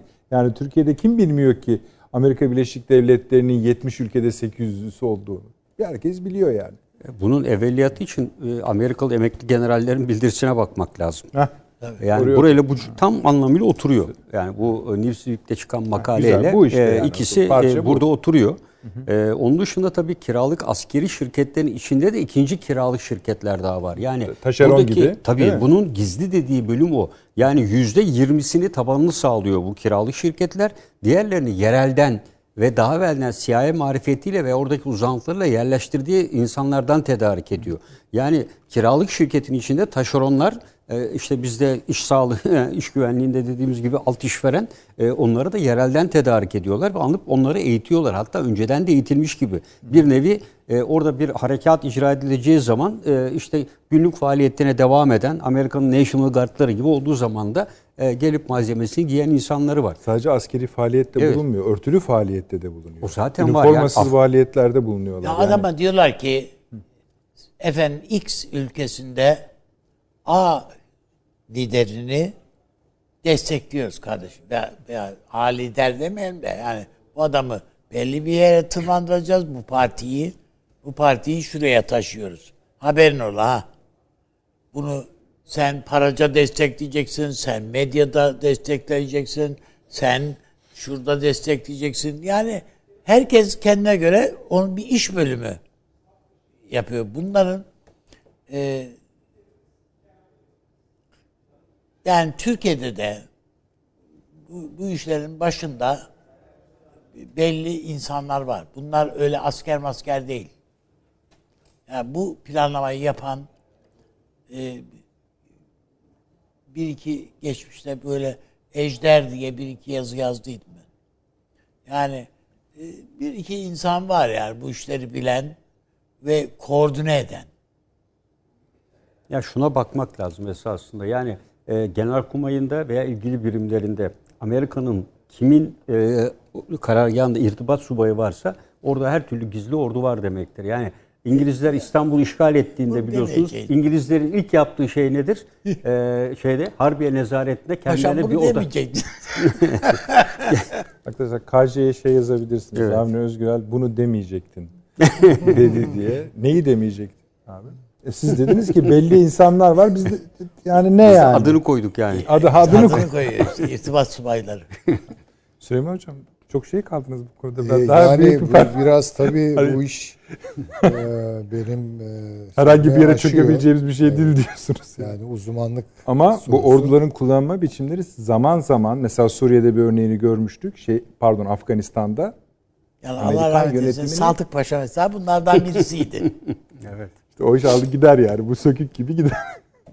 İtiraz da edebiliyor, ediyorlar. Yani o kadar yani bir dakika ona uyma, uyup uymayabiliriz falan filan. Şimdi bir Emekli e, amiralleri hatırlattı ya Avni Bey bağışlayın. Bir de bir hatırlayacaksınız. Kendi başına Çin'e giden bir uçak gemisini hatırlıyor musunuz? Amerikan uçak gemisini. Evet. Bayağı oldu. Hatırladınız değil mi? Hatırladım. Bugün yani de hatta Çin kimse emir vermemiş. Adam gidiyor Çin'e Gidiyordu. doğru. Uçak gemisi ya Amerikan uçak gemisi. Yoldan çevirdiler yani. ama o bir koordinasyon eksikliği. Tabii daha çok. böyle zaten. Şimdi benim e, bir kitap vardı bu 90'lı senelerin galiba sonları veya 2000'lerin başında çıkmıştı. Bir Fransız yazarının Yeni Orta Çağ diye bir kitabı. Alain Mink. evet o Evet, doğru. kitap. Evet öyle hocam. Şimdi bu çok önemli bir kitap. Evet. Aa, Çok güzel, fa- evet. fazla da tartışılmadı, konuşulmadı. Günümüzü e, olduğu gibi Evet. ortaya koyan bir kitap. Şimdi evet. Machiavelli'nin e, prensinde bir eleştiri vardır. Der ki bu paralı ordularla iş yapılmıyor artık. O zaman çünkü işte ücret veriliyor. Şövalyelerden bir ordu oluşturuluyor. Ha, Adamlar işte o kim işvereni kimse onun için savaşıyor filan. Derhal işte yaz- milli ordulara geçilmesi lazım gibi teklifleri var. Bu daha sonra geliştiriliyor ve paralı askerler tasfiye edilmiştir. Mesela bizim Yeniçerileri tasfiye etmemiz, kapı sistemi. Napolyon da yapmıştır zaten. Tabii Rusya'da Sterlitsler değil mi paşam? Evet. Petro, O, Petron'un onu da kelime olarak o da Yeniçeri manasına, manasına geliyor. geliyor. Yani. Sterlitz e, şeyi odur. Neyse. Ee, ve ondan sonra işte halk orduları, Napolyonik ordu kavrayışı. Bu bütün dünyada hakim oluyor. Şimdi yeniden Orta Çağ'a dönüyoruz galiba. Tabii öyle diyor. Yeniden orta çağa Yeniden dönüyoruz orta diyor ya. çağa Evet. dönüyoruz. Yani bu şu demek askeri yapılar da Kendi içlerinde. kendi içlerinde da bu çünkü Machiavelli'nin söylediği şey orada şu. Bu konular benim çok dışımda da yani ben işte el yordamı e, Tabii hep- hep yaklaşıyorum. Bu konularda Paşam- herkes el yordamı. Hayır istiyor. paşam profesyonel o tabii. daha iyi bilir ama e, bu aynı zamanda kontrol kaybı. Yani öbüründe koordinasyon kaybı olabilir. Tehlikeli, çok tehlikeli. Aslında Bu kontrol kaybı, de Ama kaybı hocam. Hocam çok önemli bir konuya değiniyor. Yani güvenliği şu anda gelecekteki en önemli zafiyet alanlarından birini bu oluşturacak. Çünkü asimetrik saldırı ve yetenek temelli planlamalarda farklı farklı yapılar içinde profesyonel yapıların oluşması hani biraz evvel dedik ya MİT silahlı kuvvetlerinin uyumu sağlandı. Evet. Bu 10-15 yıl sonra belki birçok ülkede e, bu general amirallerin bildirileri vesaire dikkate aldığınızda farklı kuvvet yapıları aynı ülke içerisinde yer etmeye başlayacak. Tartışılacak işte tabii, demokrasi tartışılacak yani. acaba Hatta çok tabii, gerekli tabii, diye. tabii. Bu Yani aslında şöyle bir gidecek. şey. Yani üniformalı ama ülke kokartı olmayan. Evet. Aa, ordu. evet. Öyle öyle evet. tabii. Evet ve bunları konuşuyor. Yok Blackwater. Evet. Du- Duyar Tabii, mı tabii, eskiden böyle şeyler? Ya kontur gerilla diye bir şey duyardık en fazla. Paramiliter örgütler. Ben yapmadım. Bizim adam ya e, hani bu- bu mafya ya Putin'in. tetikçileri var. Tabii. Bun, bir devletlerin de tetikçileri var. İşte bu Black Twitter'lar bunlar. İzleyicimiz Yani o zaman ordular mafyalaşıyor. sayıyordu yarım kaldı diyor. Yok o kadar zaten. Fazla. Nasıl o kadar yani? Siz baş yani yarım kaldı dedi zaten bir isim söylediniz de yani devamı yok mu yani? Hayır onun evveliyatı var filan. Peki. Evveliyatı. Paşam bilir tabii canım. Siz sıkıştığınız her yerde paşa laf atıyorsunuz. Peki. E, tabii canım. Süleyman Hocam kestim. Bizim buyurun. Üniformaya Yok saygımız estağfurullah. Ee, bu şu demek yani kusura bakmayın o zaman adını koyalım. Bu orduların mafyalaşmasına doğru gider. Yani. Bu çok tehlikeli bir şey. Çok tehlikeli bir şey. Çünkü si- si- yani bu içinde bulunduğumuz uygarlığın şöyle bir iddiası var. Diyor ki silah kullanma tekeli devlettedir. Çünkü eğer silah Silah ve e, şiddet silah kullanımı. şiddet tabii, Şiddet silah. yetkisi. Yani ordu, güvenlik, polis her neyse. Ya ben şimdi cebime silah şeye burama silah takıp şuralarda dolaşsam çevirirler beni yani. Ama polis olsam hiçbir şey lazım gelmez. Çünkü o meşrudur. Bu tekel kırılırsa kan davaları başlar ve Meksika, kaos başlar. Kartel Tabii, savaşları. Tabii. İşte bakın orada ne oldu? Bir polis gitti şeyi tutuklamaya kalktı değil mi? Evet. Bir mafya, Mafya kartelinin evet. Evet. Şehir altını üstüne getirdiler. altını üstüne Karakol, getirdiler bir de yeri bastılar. geri adım atıp serbest bırakmak zorunda kaldı. İnanılmaz. İnanılmaz bir şey. Çok Bu çok tehlikeli. Onun için ordu geleneklerini ama şimdi tabii bu niye böyle oldu? Ee, sebebi asimetrik üstünlükler. Evet, evet. Maalesef. Yani asimetrik üstünlük işte bütün bir medeniyet bir tane virüse teslim oluyor. Görünmez. Buyurun. İstediğiniz alın size kadar ordu. toplarınız yani ha. Toplamı nano, nano sa- Yani kadarlık bir nanometre Büyü- kadarlık Evet, yer. büyüyerek ve merkezileşerek güçlü olma bir kompleksti ve buna çok inanıldı ama şimdi bakıyorsunuz gerillalar e, düzenli orduları bozguna uğratıyor maalesef. Gayrı nizami savaş e, nizami savaşın yerini alıyor. E, ama bu bir şey kaybı. Peki, yani bir buraya kadar- uygarlık kaybı yani. Ona, ona çok dikkat edelim. Ya biz mafyayı işte böyle suç örgütü işte e, hayatın marjında kanalizasyon deliklerinde falan öyle arıyoruz. Öyle değil. Her yerde. Bu Alan Mink'in çok ilginç bir tespiti vardır bu mafya ile ilgili olarak. Onu da işte o yeni orta çağlaşma yanlış hatırlamıyorsam şöyle diyor. Bir kere mafya devlet ilişkisi diyor kaçınılmazdır. Her yerde vardır şu ya da bu oranda. Yalnız koordinatları değişir. Yani mesela Amerika'da mafya devletin yanındadır. Şimdi yanlış olabilir bu pozisyonlar. Ben İtalya'da arkasındadır. Japonya için söylediği, Yakuza falan Yakuza, için söylediği Yakuza çok için. ilginçtir. İçindedir. İçindedir diyor. Evet. Hatırlıyor musunuz? Evet, evet. Bu çok İyi ilginç. okudum ve bayağı ve çizdim. Aa, çok önemli bir Buraya kitap. kadar geldiyseniz o zaman hani bu ordular meselesi Şimdi üzerinde. en son mesela Amerika'da e, petrol dağıtım sistemini bir Siber örgüt siber saldırıyla kilitledi. Evet.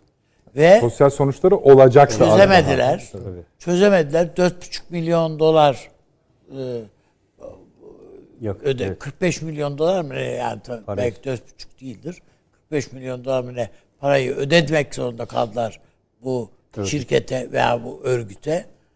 Adamlar e, maille sadece bir program göndermişler. Alın bunu yükleyin. Biz de aça- açacağız diye. Hakikaten de Ya Amerika'da bu gerçekten de tehlikeli bir iştir. Yani bakın tabii. 500 bin kişi öldü, ses çıkmadı. Benzine falan ulaşamama ya da zam gelme, Tabii ağır öyle. zamlar geldi. Göz alamazdık Amerika'da diyor yani adam çok zaten büyük yani. şeylere Tabii yol tabii. tabii. Teksas'ta yaşandı ya. Texas zaten orta diğer- kuşak Evet, yani evet. Bible Belt dedikleri Tabii. alan tamamen kamyonetler üzerine. Bunda 8 silindirler, Tabii, tabii. araziler, çiftlikler vesaire. Orada bu yollarda araba kullanamama, benzin bulan ve oldu. Hakikaten hani Tabii. dediği doğru kimse şeye ulaşamadı. Tabii tabii çok tehlikeli. Uzun yani kuyruklar oluştu. şu yeni bir uygarlık tasavvuru içindeyiz ve bu uygarlığı işte dijital e, hatta güvenliği neredeyse mutlak hale getiren değil mi? Her şeyi telefonla Her şeyi falan. tık tık. Fakat Evet. öyle değil. Çok kırılgan. Dikkat edelim yani. evet o doğru. Çok, Çok kırılgan. kırılgan. Yani böyle güvenlik e, büyüsüne kapılıp oradaki projelere gönül yatırmalar, akıl yatırmalar, destek vermeler sorgulanması lazım yani. Hocam hepsi yani hukuk devleti sorgulanıyor. Bilmem Tabii e, canım, demokrasi sorgulanıyor. Her bir şey. Yani Avrupa'daki tabloya bakıyorsun yani o Fransa'da alınan polisiyete şeyler gö- o gösteriler karşısında alınan tedbirlere ya alınan kararlara falan bakıyorsun. E hani siz insan hakları bilir diyorsun. Bu ne gibi bu yaptığın diyorsun. Hiç alakası yok yani. Adam diyor ki yok Her şey kardeşim. sıkışıncaya en sonunda kadar. o generallerin bildirisi. İç savaş diyor ve iç savaş çıktığı takdirde ordu Fransa'yı korur diyor adam. O şu demek sen gidersin diyor işte. Hatta et, bu sadece Macron'a demiyor onu. Bütün siyasete söylüyor onu. Ordu Fransa'yı korur diyor. Ve kimden korur? Bir de ona Evet. bakalım. Buyurunuz. Ee, Müslümanlardan korur. Çok dikkat Alman- edelim. Almanlarda da. Almanlarda da bakın bu ortak Avusturya'da vurgu. öyle. Yani oradaki generaller oradaki de öyle. şeyi yaptı. Şimdi çok dikkat edelim buna. Yani çünkü bu adamları bırakırsanız bunlar antisemitist olur. Olamıyorlar. Çünkü ortada müthiş bir ağır bir tablo var. Yani taşıyamayacaklar. Yani 3-5 dazlak örgütü sahiplenirse peki bu bu enerjiyi bir şey yap. Çünkü ırkçılık ve yabancı düşmanlığı onların genetiğidir. Evet. Kültürel genetiğidir. Ona illa bir nesne bulmak zorundalar.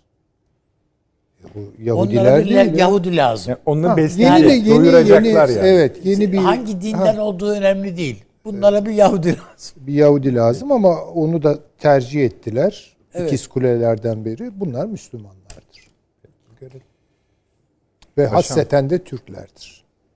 Doğru. Onu da söylemek Besliyor. zorundayız. Evet. Evet PESCO'ya üye oluyor muyuz? Ya PESCO'ya e, şöyle tabii bu Avrupa Birliği e, en son rapor e, buna rağmen mi yayınlandı? Tabii onu e, bir incelemek lazım. Yani bununla ilişkin Almanya'da Die Welt dahil diğer gazetelerin hepsinde bu tür haberler vardı. Yani Türkiye biliyorsunuz e, PESCO'nun özellikle kara gücünün NATO'nun oluşturulması konusunda e, şerh koy- koyuyordu Türkiye uzun süredir. E, belki işte daha evvel de esasını söyledik. Yani bu şehrin kaldırılması karşı Türkiye ile ve tam üyelik müzakerelerin başlaması veya e, Türk vatandaşlarının e, vizesiz gezmesi ki mesela Avrupa Birliği e, en sonunda dün itibariyle dedi e, aşısına olanlar gelebilir falan gibi bir Tabii, takım tabii. şeyler söylemeye başladı. Yani bu e, bu yolla belki e, bir e, iletişim sağlanıyor olabilir diye değerlendiriyorum. E, bu da bence e, mantıki olur. Yani eğer, ama tabii gerçek verilere dayalı olmak koşuluyla. Çünkü e, Avrupa Birliği bundan e, 3-4 ay evvel stratejik pusula diye yeni bir güvenlik politikası Evet, açıkladı. Bu özellikle kurulduğu günden bugüne kadar ilk kez yani 3 boyutlu Avrupa Birliği'nin güvenlik boyutunun biraz daha sahaya uygulamaya yönelik bir hamlesiydi. Ama bunun içinin doldurulması gerekiyor. Ee, ve Avrupa Birliği de nihai hedef olarak yeni pusulada dünyanın diğer bölgelerindeki sorunlarla da ilgilenmek ve onları da etkilemek gücünün olmasını istiyor. Ve bunda askeri güç olmadan olamayacağını biliyorlar. Ee, ve e, şu anki e, NATO'ya tahsis ettikleri kuvvetin dışında yeni bir kuvvet üretme imkan ve kabiliyeti ve bunun maliyetini karşılamaları da mümkün değil. Rusya gibi bir tehdit varken ve dolayısıyla hazır olan güçlerini bu maksatla kullanmak e, istemeleri ve bunun karşısında da e, Türkiye ile bir e, pazarlık yapmaları mümkün olabilir. Hatta E, doğal mı buluyorsun? Doğaldır tabii. Yani bence 2018'de e, tabii. bu imkanı açtılar biliyorsunuz. Evet. Avrupa Birliği üyeleri dışında da evet. buna katkı bulunması. Ayrıca şöyle de olabilir. Bu kurum kuruluş ya da stratejik belge şusu busu her neyse bunun bütününe ayak basmak gerekmiyor. Bir par- yani işte bu Evet, projeler vesaire deniyor ama Evet. tabii sonuçta o cümleyi kurdurtur bize. Türkiye PESCO'ya acaba nasıl katkı veriyor, verecek mi vesaire diye. Ama bu Bu konu resmi başvuruda bulundu filan şeyleri. Die Welt de Hayır. öyle yazıyor da tabii bizim Birçok Avrupa gazetesi bunu yazdı. Evet. Bunun doğru olup olmadığını bilmiyoruz. İzleyicilerimizin Bilmiyoruz. kafasında da bir şey kalmasın. Ama bu böyle çıkıyorsa buna da dikkat ederiz. Hollanda gazetelerinden birinden Alman Evet, evet. gazetelerine kadar herkes böyle bir şey yazıyorsa Yani ve yalansa şeyde e, e, bana öyle geliyor ki bu NATO zirvesinde bu da konuşulacak. konuşulacak. Ha, güzel. Zaten, konu oydu esas. Ona altyapı e, oluşturuluyor olabilir. Yani bu Avrupa Birliği raporuyla bunların hepsi şu anki gelişmeler aynı zamanda Haziran'ın 14'üne yönelik. Yani o Tabii. tarihteki Evet, evet. NATO zirvesine yönelik. Orada Bütün bu konuşulacak. hamleler e, nihai şeklini orada ortaya koyacak. Siz bir şey söyleyecek misiniz? Yok yok Facebook ben konusunda? tamamen katılıyorum. Beklemek lazım ama bir zemin oluşturma Evet, gibi zemin tabii, tabii. hissediyorum ben bunu şimdilik. Şimdi Sizin demin attığınız WhatsApp mesajını ben hiç açmayayım diyorum. O, Evet. o, açar mısınız? Yok O ama enteresan bu. Ben bilmiyordum böyle bir şey. Yani değil mi hocam? Ee, şimdi E, açılmış oldu. Buyurun. sevdiğimiz bir dostumuz gönderdi onu Peki. bana. Ee, bilemiyorum siz bilirsiniz isterseniz. Ama en azından Açarsınız. bilgi şeyidir. Evet, evet. Söyleyin hocam. Söyleyin. Yok yani siz Hani şey tamam olarak yani çünkü söyleyin. o haber şöyle bir şey içeriyor. Hani ben onu mesela kendim haberleştirecek olsam Çin ordusunun Yahudi generalleri diye. Evet. Birden yani sayıları çok değil anlaşıldığı kadarıyla ama böyle bir öykü var. Yani böyle bir tarih insicam var gibi gözüküyor. Evet. İlginç bir konu mesela. Hani biz genel olarak kaba tarifler yapmak zorundayız. Kabaca diyelim daha doğrusu.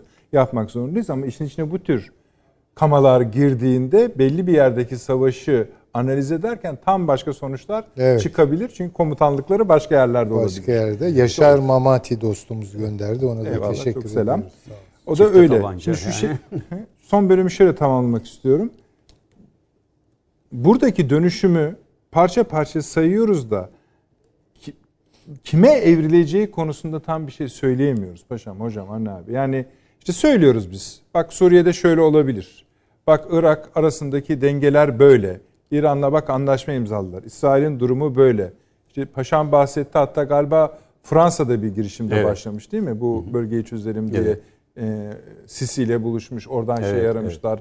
Filistin liderliği Filistin ve İsrail aramışlar evet. galiba. Orada ayrı bir şey dönüyor. Biz anlıyoruz ki her zaman değişen Orta Doğu jeopolitiği bir daha değişiyor. Ya da bir daha değişmesi yolunda girişimler var. Ama bu Türkiye'ye bir şey söylemiyor inan. Söyleyemez çünkü tek ayakta duran. Evet yani Türkiye'ye dönük bütün kombinezonlar ayakta. Bir kere kuartet öyle mi? Yani e, baktığım zaman ben Mısır, İsrail, Yunanistan ve Güney Kıbrıs arasındaki bağların gevşemesi, işte Mısır'ın boşluğa düşmesi ve Türkiye Anne abi ile de Irak konusundaki durum da değişti diyebilir. Yani mesela anlaşmıştık Bağdat, Erbil vesaire. Hayır. Şimdi adamlar diyorlar ki o biz- yani bir anlaşma e, sağlanıyor gibiydi. Yani ama- Bağdat'tan anlaşmak, Irak'la anlaşmak manasına gelmiyor, gelmiyor. tabii. Gelmiyor. Çok güzel. Bravo. Seçim var şu anda. Yani herkes seçim yatırımı peşinde. Tabii, tabii. Oraya gitmeden evvel safını belli etmeye çalışıyor. Yani Irak, Kuzey Irak yönetimi de aynı hamlelerde. Evet. Hepsi e, bir hamle içinde ve kendilerini destekleyecek bir aktör e, belirlemeye çalışıyorlar. Valla Türkiye'nin ben orada katılıyorum e, üstadımıza. Ön alıcı bir şeyler yapması lazım şu ara. Evet. Yani Yani Haziran'dan önce yani Haziran'a giriyoruz zaten biraz de. biraz yani, Yani bu zirveden önce Türkiye'nin güçlendirme güçlü bir elle girmesi lazım. Ya Kıbr- Kıbrıs'ta, Kuzey Kıbrıs Türk Cumhuriyeti'nde e, bağımsızlığını ilan edecek. Yani bizim e, Sincar'a hava harekatıyla tek başına bir harekat icra de. ettik. Geçmişte de yaptık. Yani kara harekatıyla gitmeksizin e, Sincar'a bir hava harekatı yapmanın ki oranın e, Amerikan e, hava savunma sistemini kurmuştur oraya muhtemelen. Yani e, e, risk oluşturabilir. Yani Sincar'a gittiğimiz zaman biz kara harekatıyla gidip oraya el koymamız lazım. Eğer öyle bir şey yapılacaksa o zaman siz İran kuzeyine ve Musul hattına, Süleymaniye, İran'ın Suriye ile olan ilişkilerini, milis güçlerin hepsine e, gidersiniz. Ama hava kuvveti daha evvel de yapıldı biliyorsunuz. Karaçokdağ'ıyla e, Sincar'a. Arkadan Amerikalılar geldi. Bizim yaptığımız hava harekatına nispet yaparcasına e, Amerikan şeyleri oradaki e, rütbeli subaylar ile PKK'nın bölge sorumlusu kol kola gezdiler orada. Bir mesaj verdiler Türkiye'ye. Evet. Yani o yüzden e, bu operasyon mesela Gara'ya da harekat yapıldı, hava harekatı yapıldı. Nokta istihbaratına dayalı. Ama Sincar'da e, bunu yaptığınız zaman çünkü Sincar daha geniş bir alan, Gara, e, Gara da bir geniş ama Sincar'ın farklı bir özelliği var. E, kara harekatıyla e, o bölgeye ele Tabii geçirilmeden ben hani e, Atatürk'ün bir lafı var. Yani hattı müdafaa yok, satı müdafaa var. Tabii yani diye. o o zaten Türkiye ihtiyaç olduğu zaman hava harekatı icra ediyor. Kimseden herhangi bir ama o bölge Amerika'nın hava savunma sistemlerinin kontrolü altındadır. Yani o e, çünkü orada yakınlar üst bölgeleri de var onun. Erbil hemen kuzeyinde e, Amerikan hava sahası gibi değerlendirmek lazım o bölgeyi. E, o yüzden de buraya icra ettiğiniz harekatta Amerikalılarla mutlaka Peki bir siz temasımız bununla, oluyordur. bu, o, o bağlamda mesela Cumhurbaşkanı dün e, konuşmasında bundan sonraki hedefimiz Ke- Kandil. Kandil. dedi. E, Kandil olabilir. Zaten o mümkün. Ben de hep onu söylüyorum. Yani Kandil sönecek dedi şeyde zaten. Savunma Bakanı Evet. biliyorsunuz. Yani e, bu bölgeye yavaş yavaş e, bu Ama bölgelerin... siz o bölgeyi biliyor yani Kandil'i de biliyorsunuz yani. Ama Kandil'in tabii e, özellikle e, eğer Türkiye e, İran'la olan İran. ilişkilerini dikkate alarak bir an önce Kandil sorununu çözmek istiyor Türkiye şu anda. Yani Ondan Kandil'in an- anla- e, anladım da paşam bu e, Van'da, Ağrı'da yakalanan teröristler hepsi İran'dan gelme. tabii de kuzeyden gidiyorlar. Türkiye çünkü bu bölgede güçlü olduğu için şu an Yani hem, İran'a giriyor, İran'dan geliyor buraya. e, kuzeyden geliyorlar şu an. Doğu Beyazıt üzerinden e, Evet. veya diğer Çaldıran üzerinden ve diğer bölgelerden geliyorlar. Yani oralarda da duvar inşaatı devam ediyor aslında. Yani Suriye sınırındaki gibi hatta geçen gün de e, orayı korumakla görevli olan bir özel harekat polisimiz sanırım e, şehit oldu. Şehit oldu. Evet. Evet.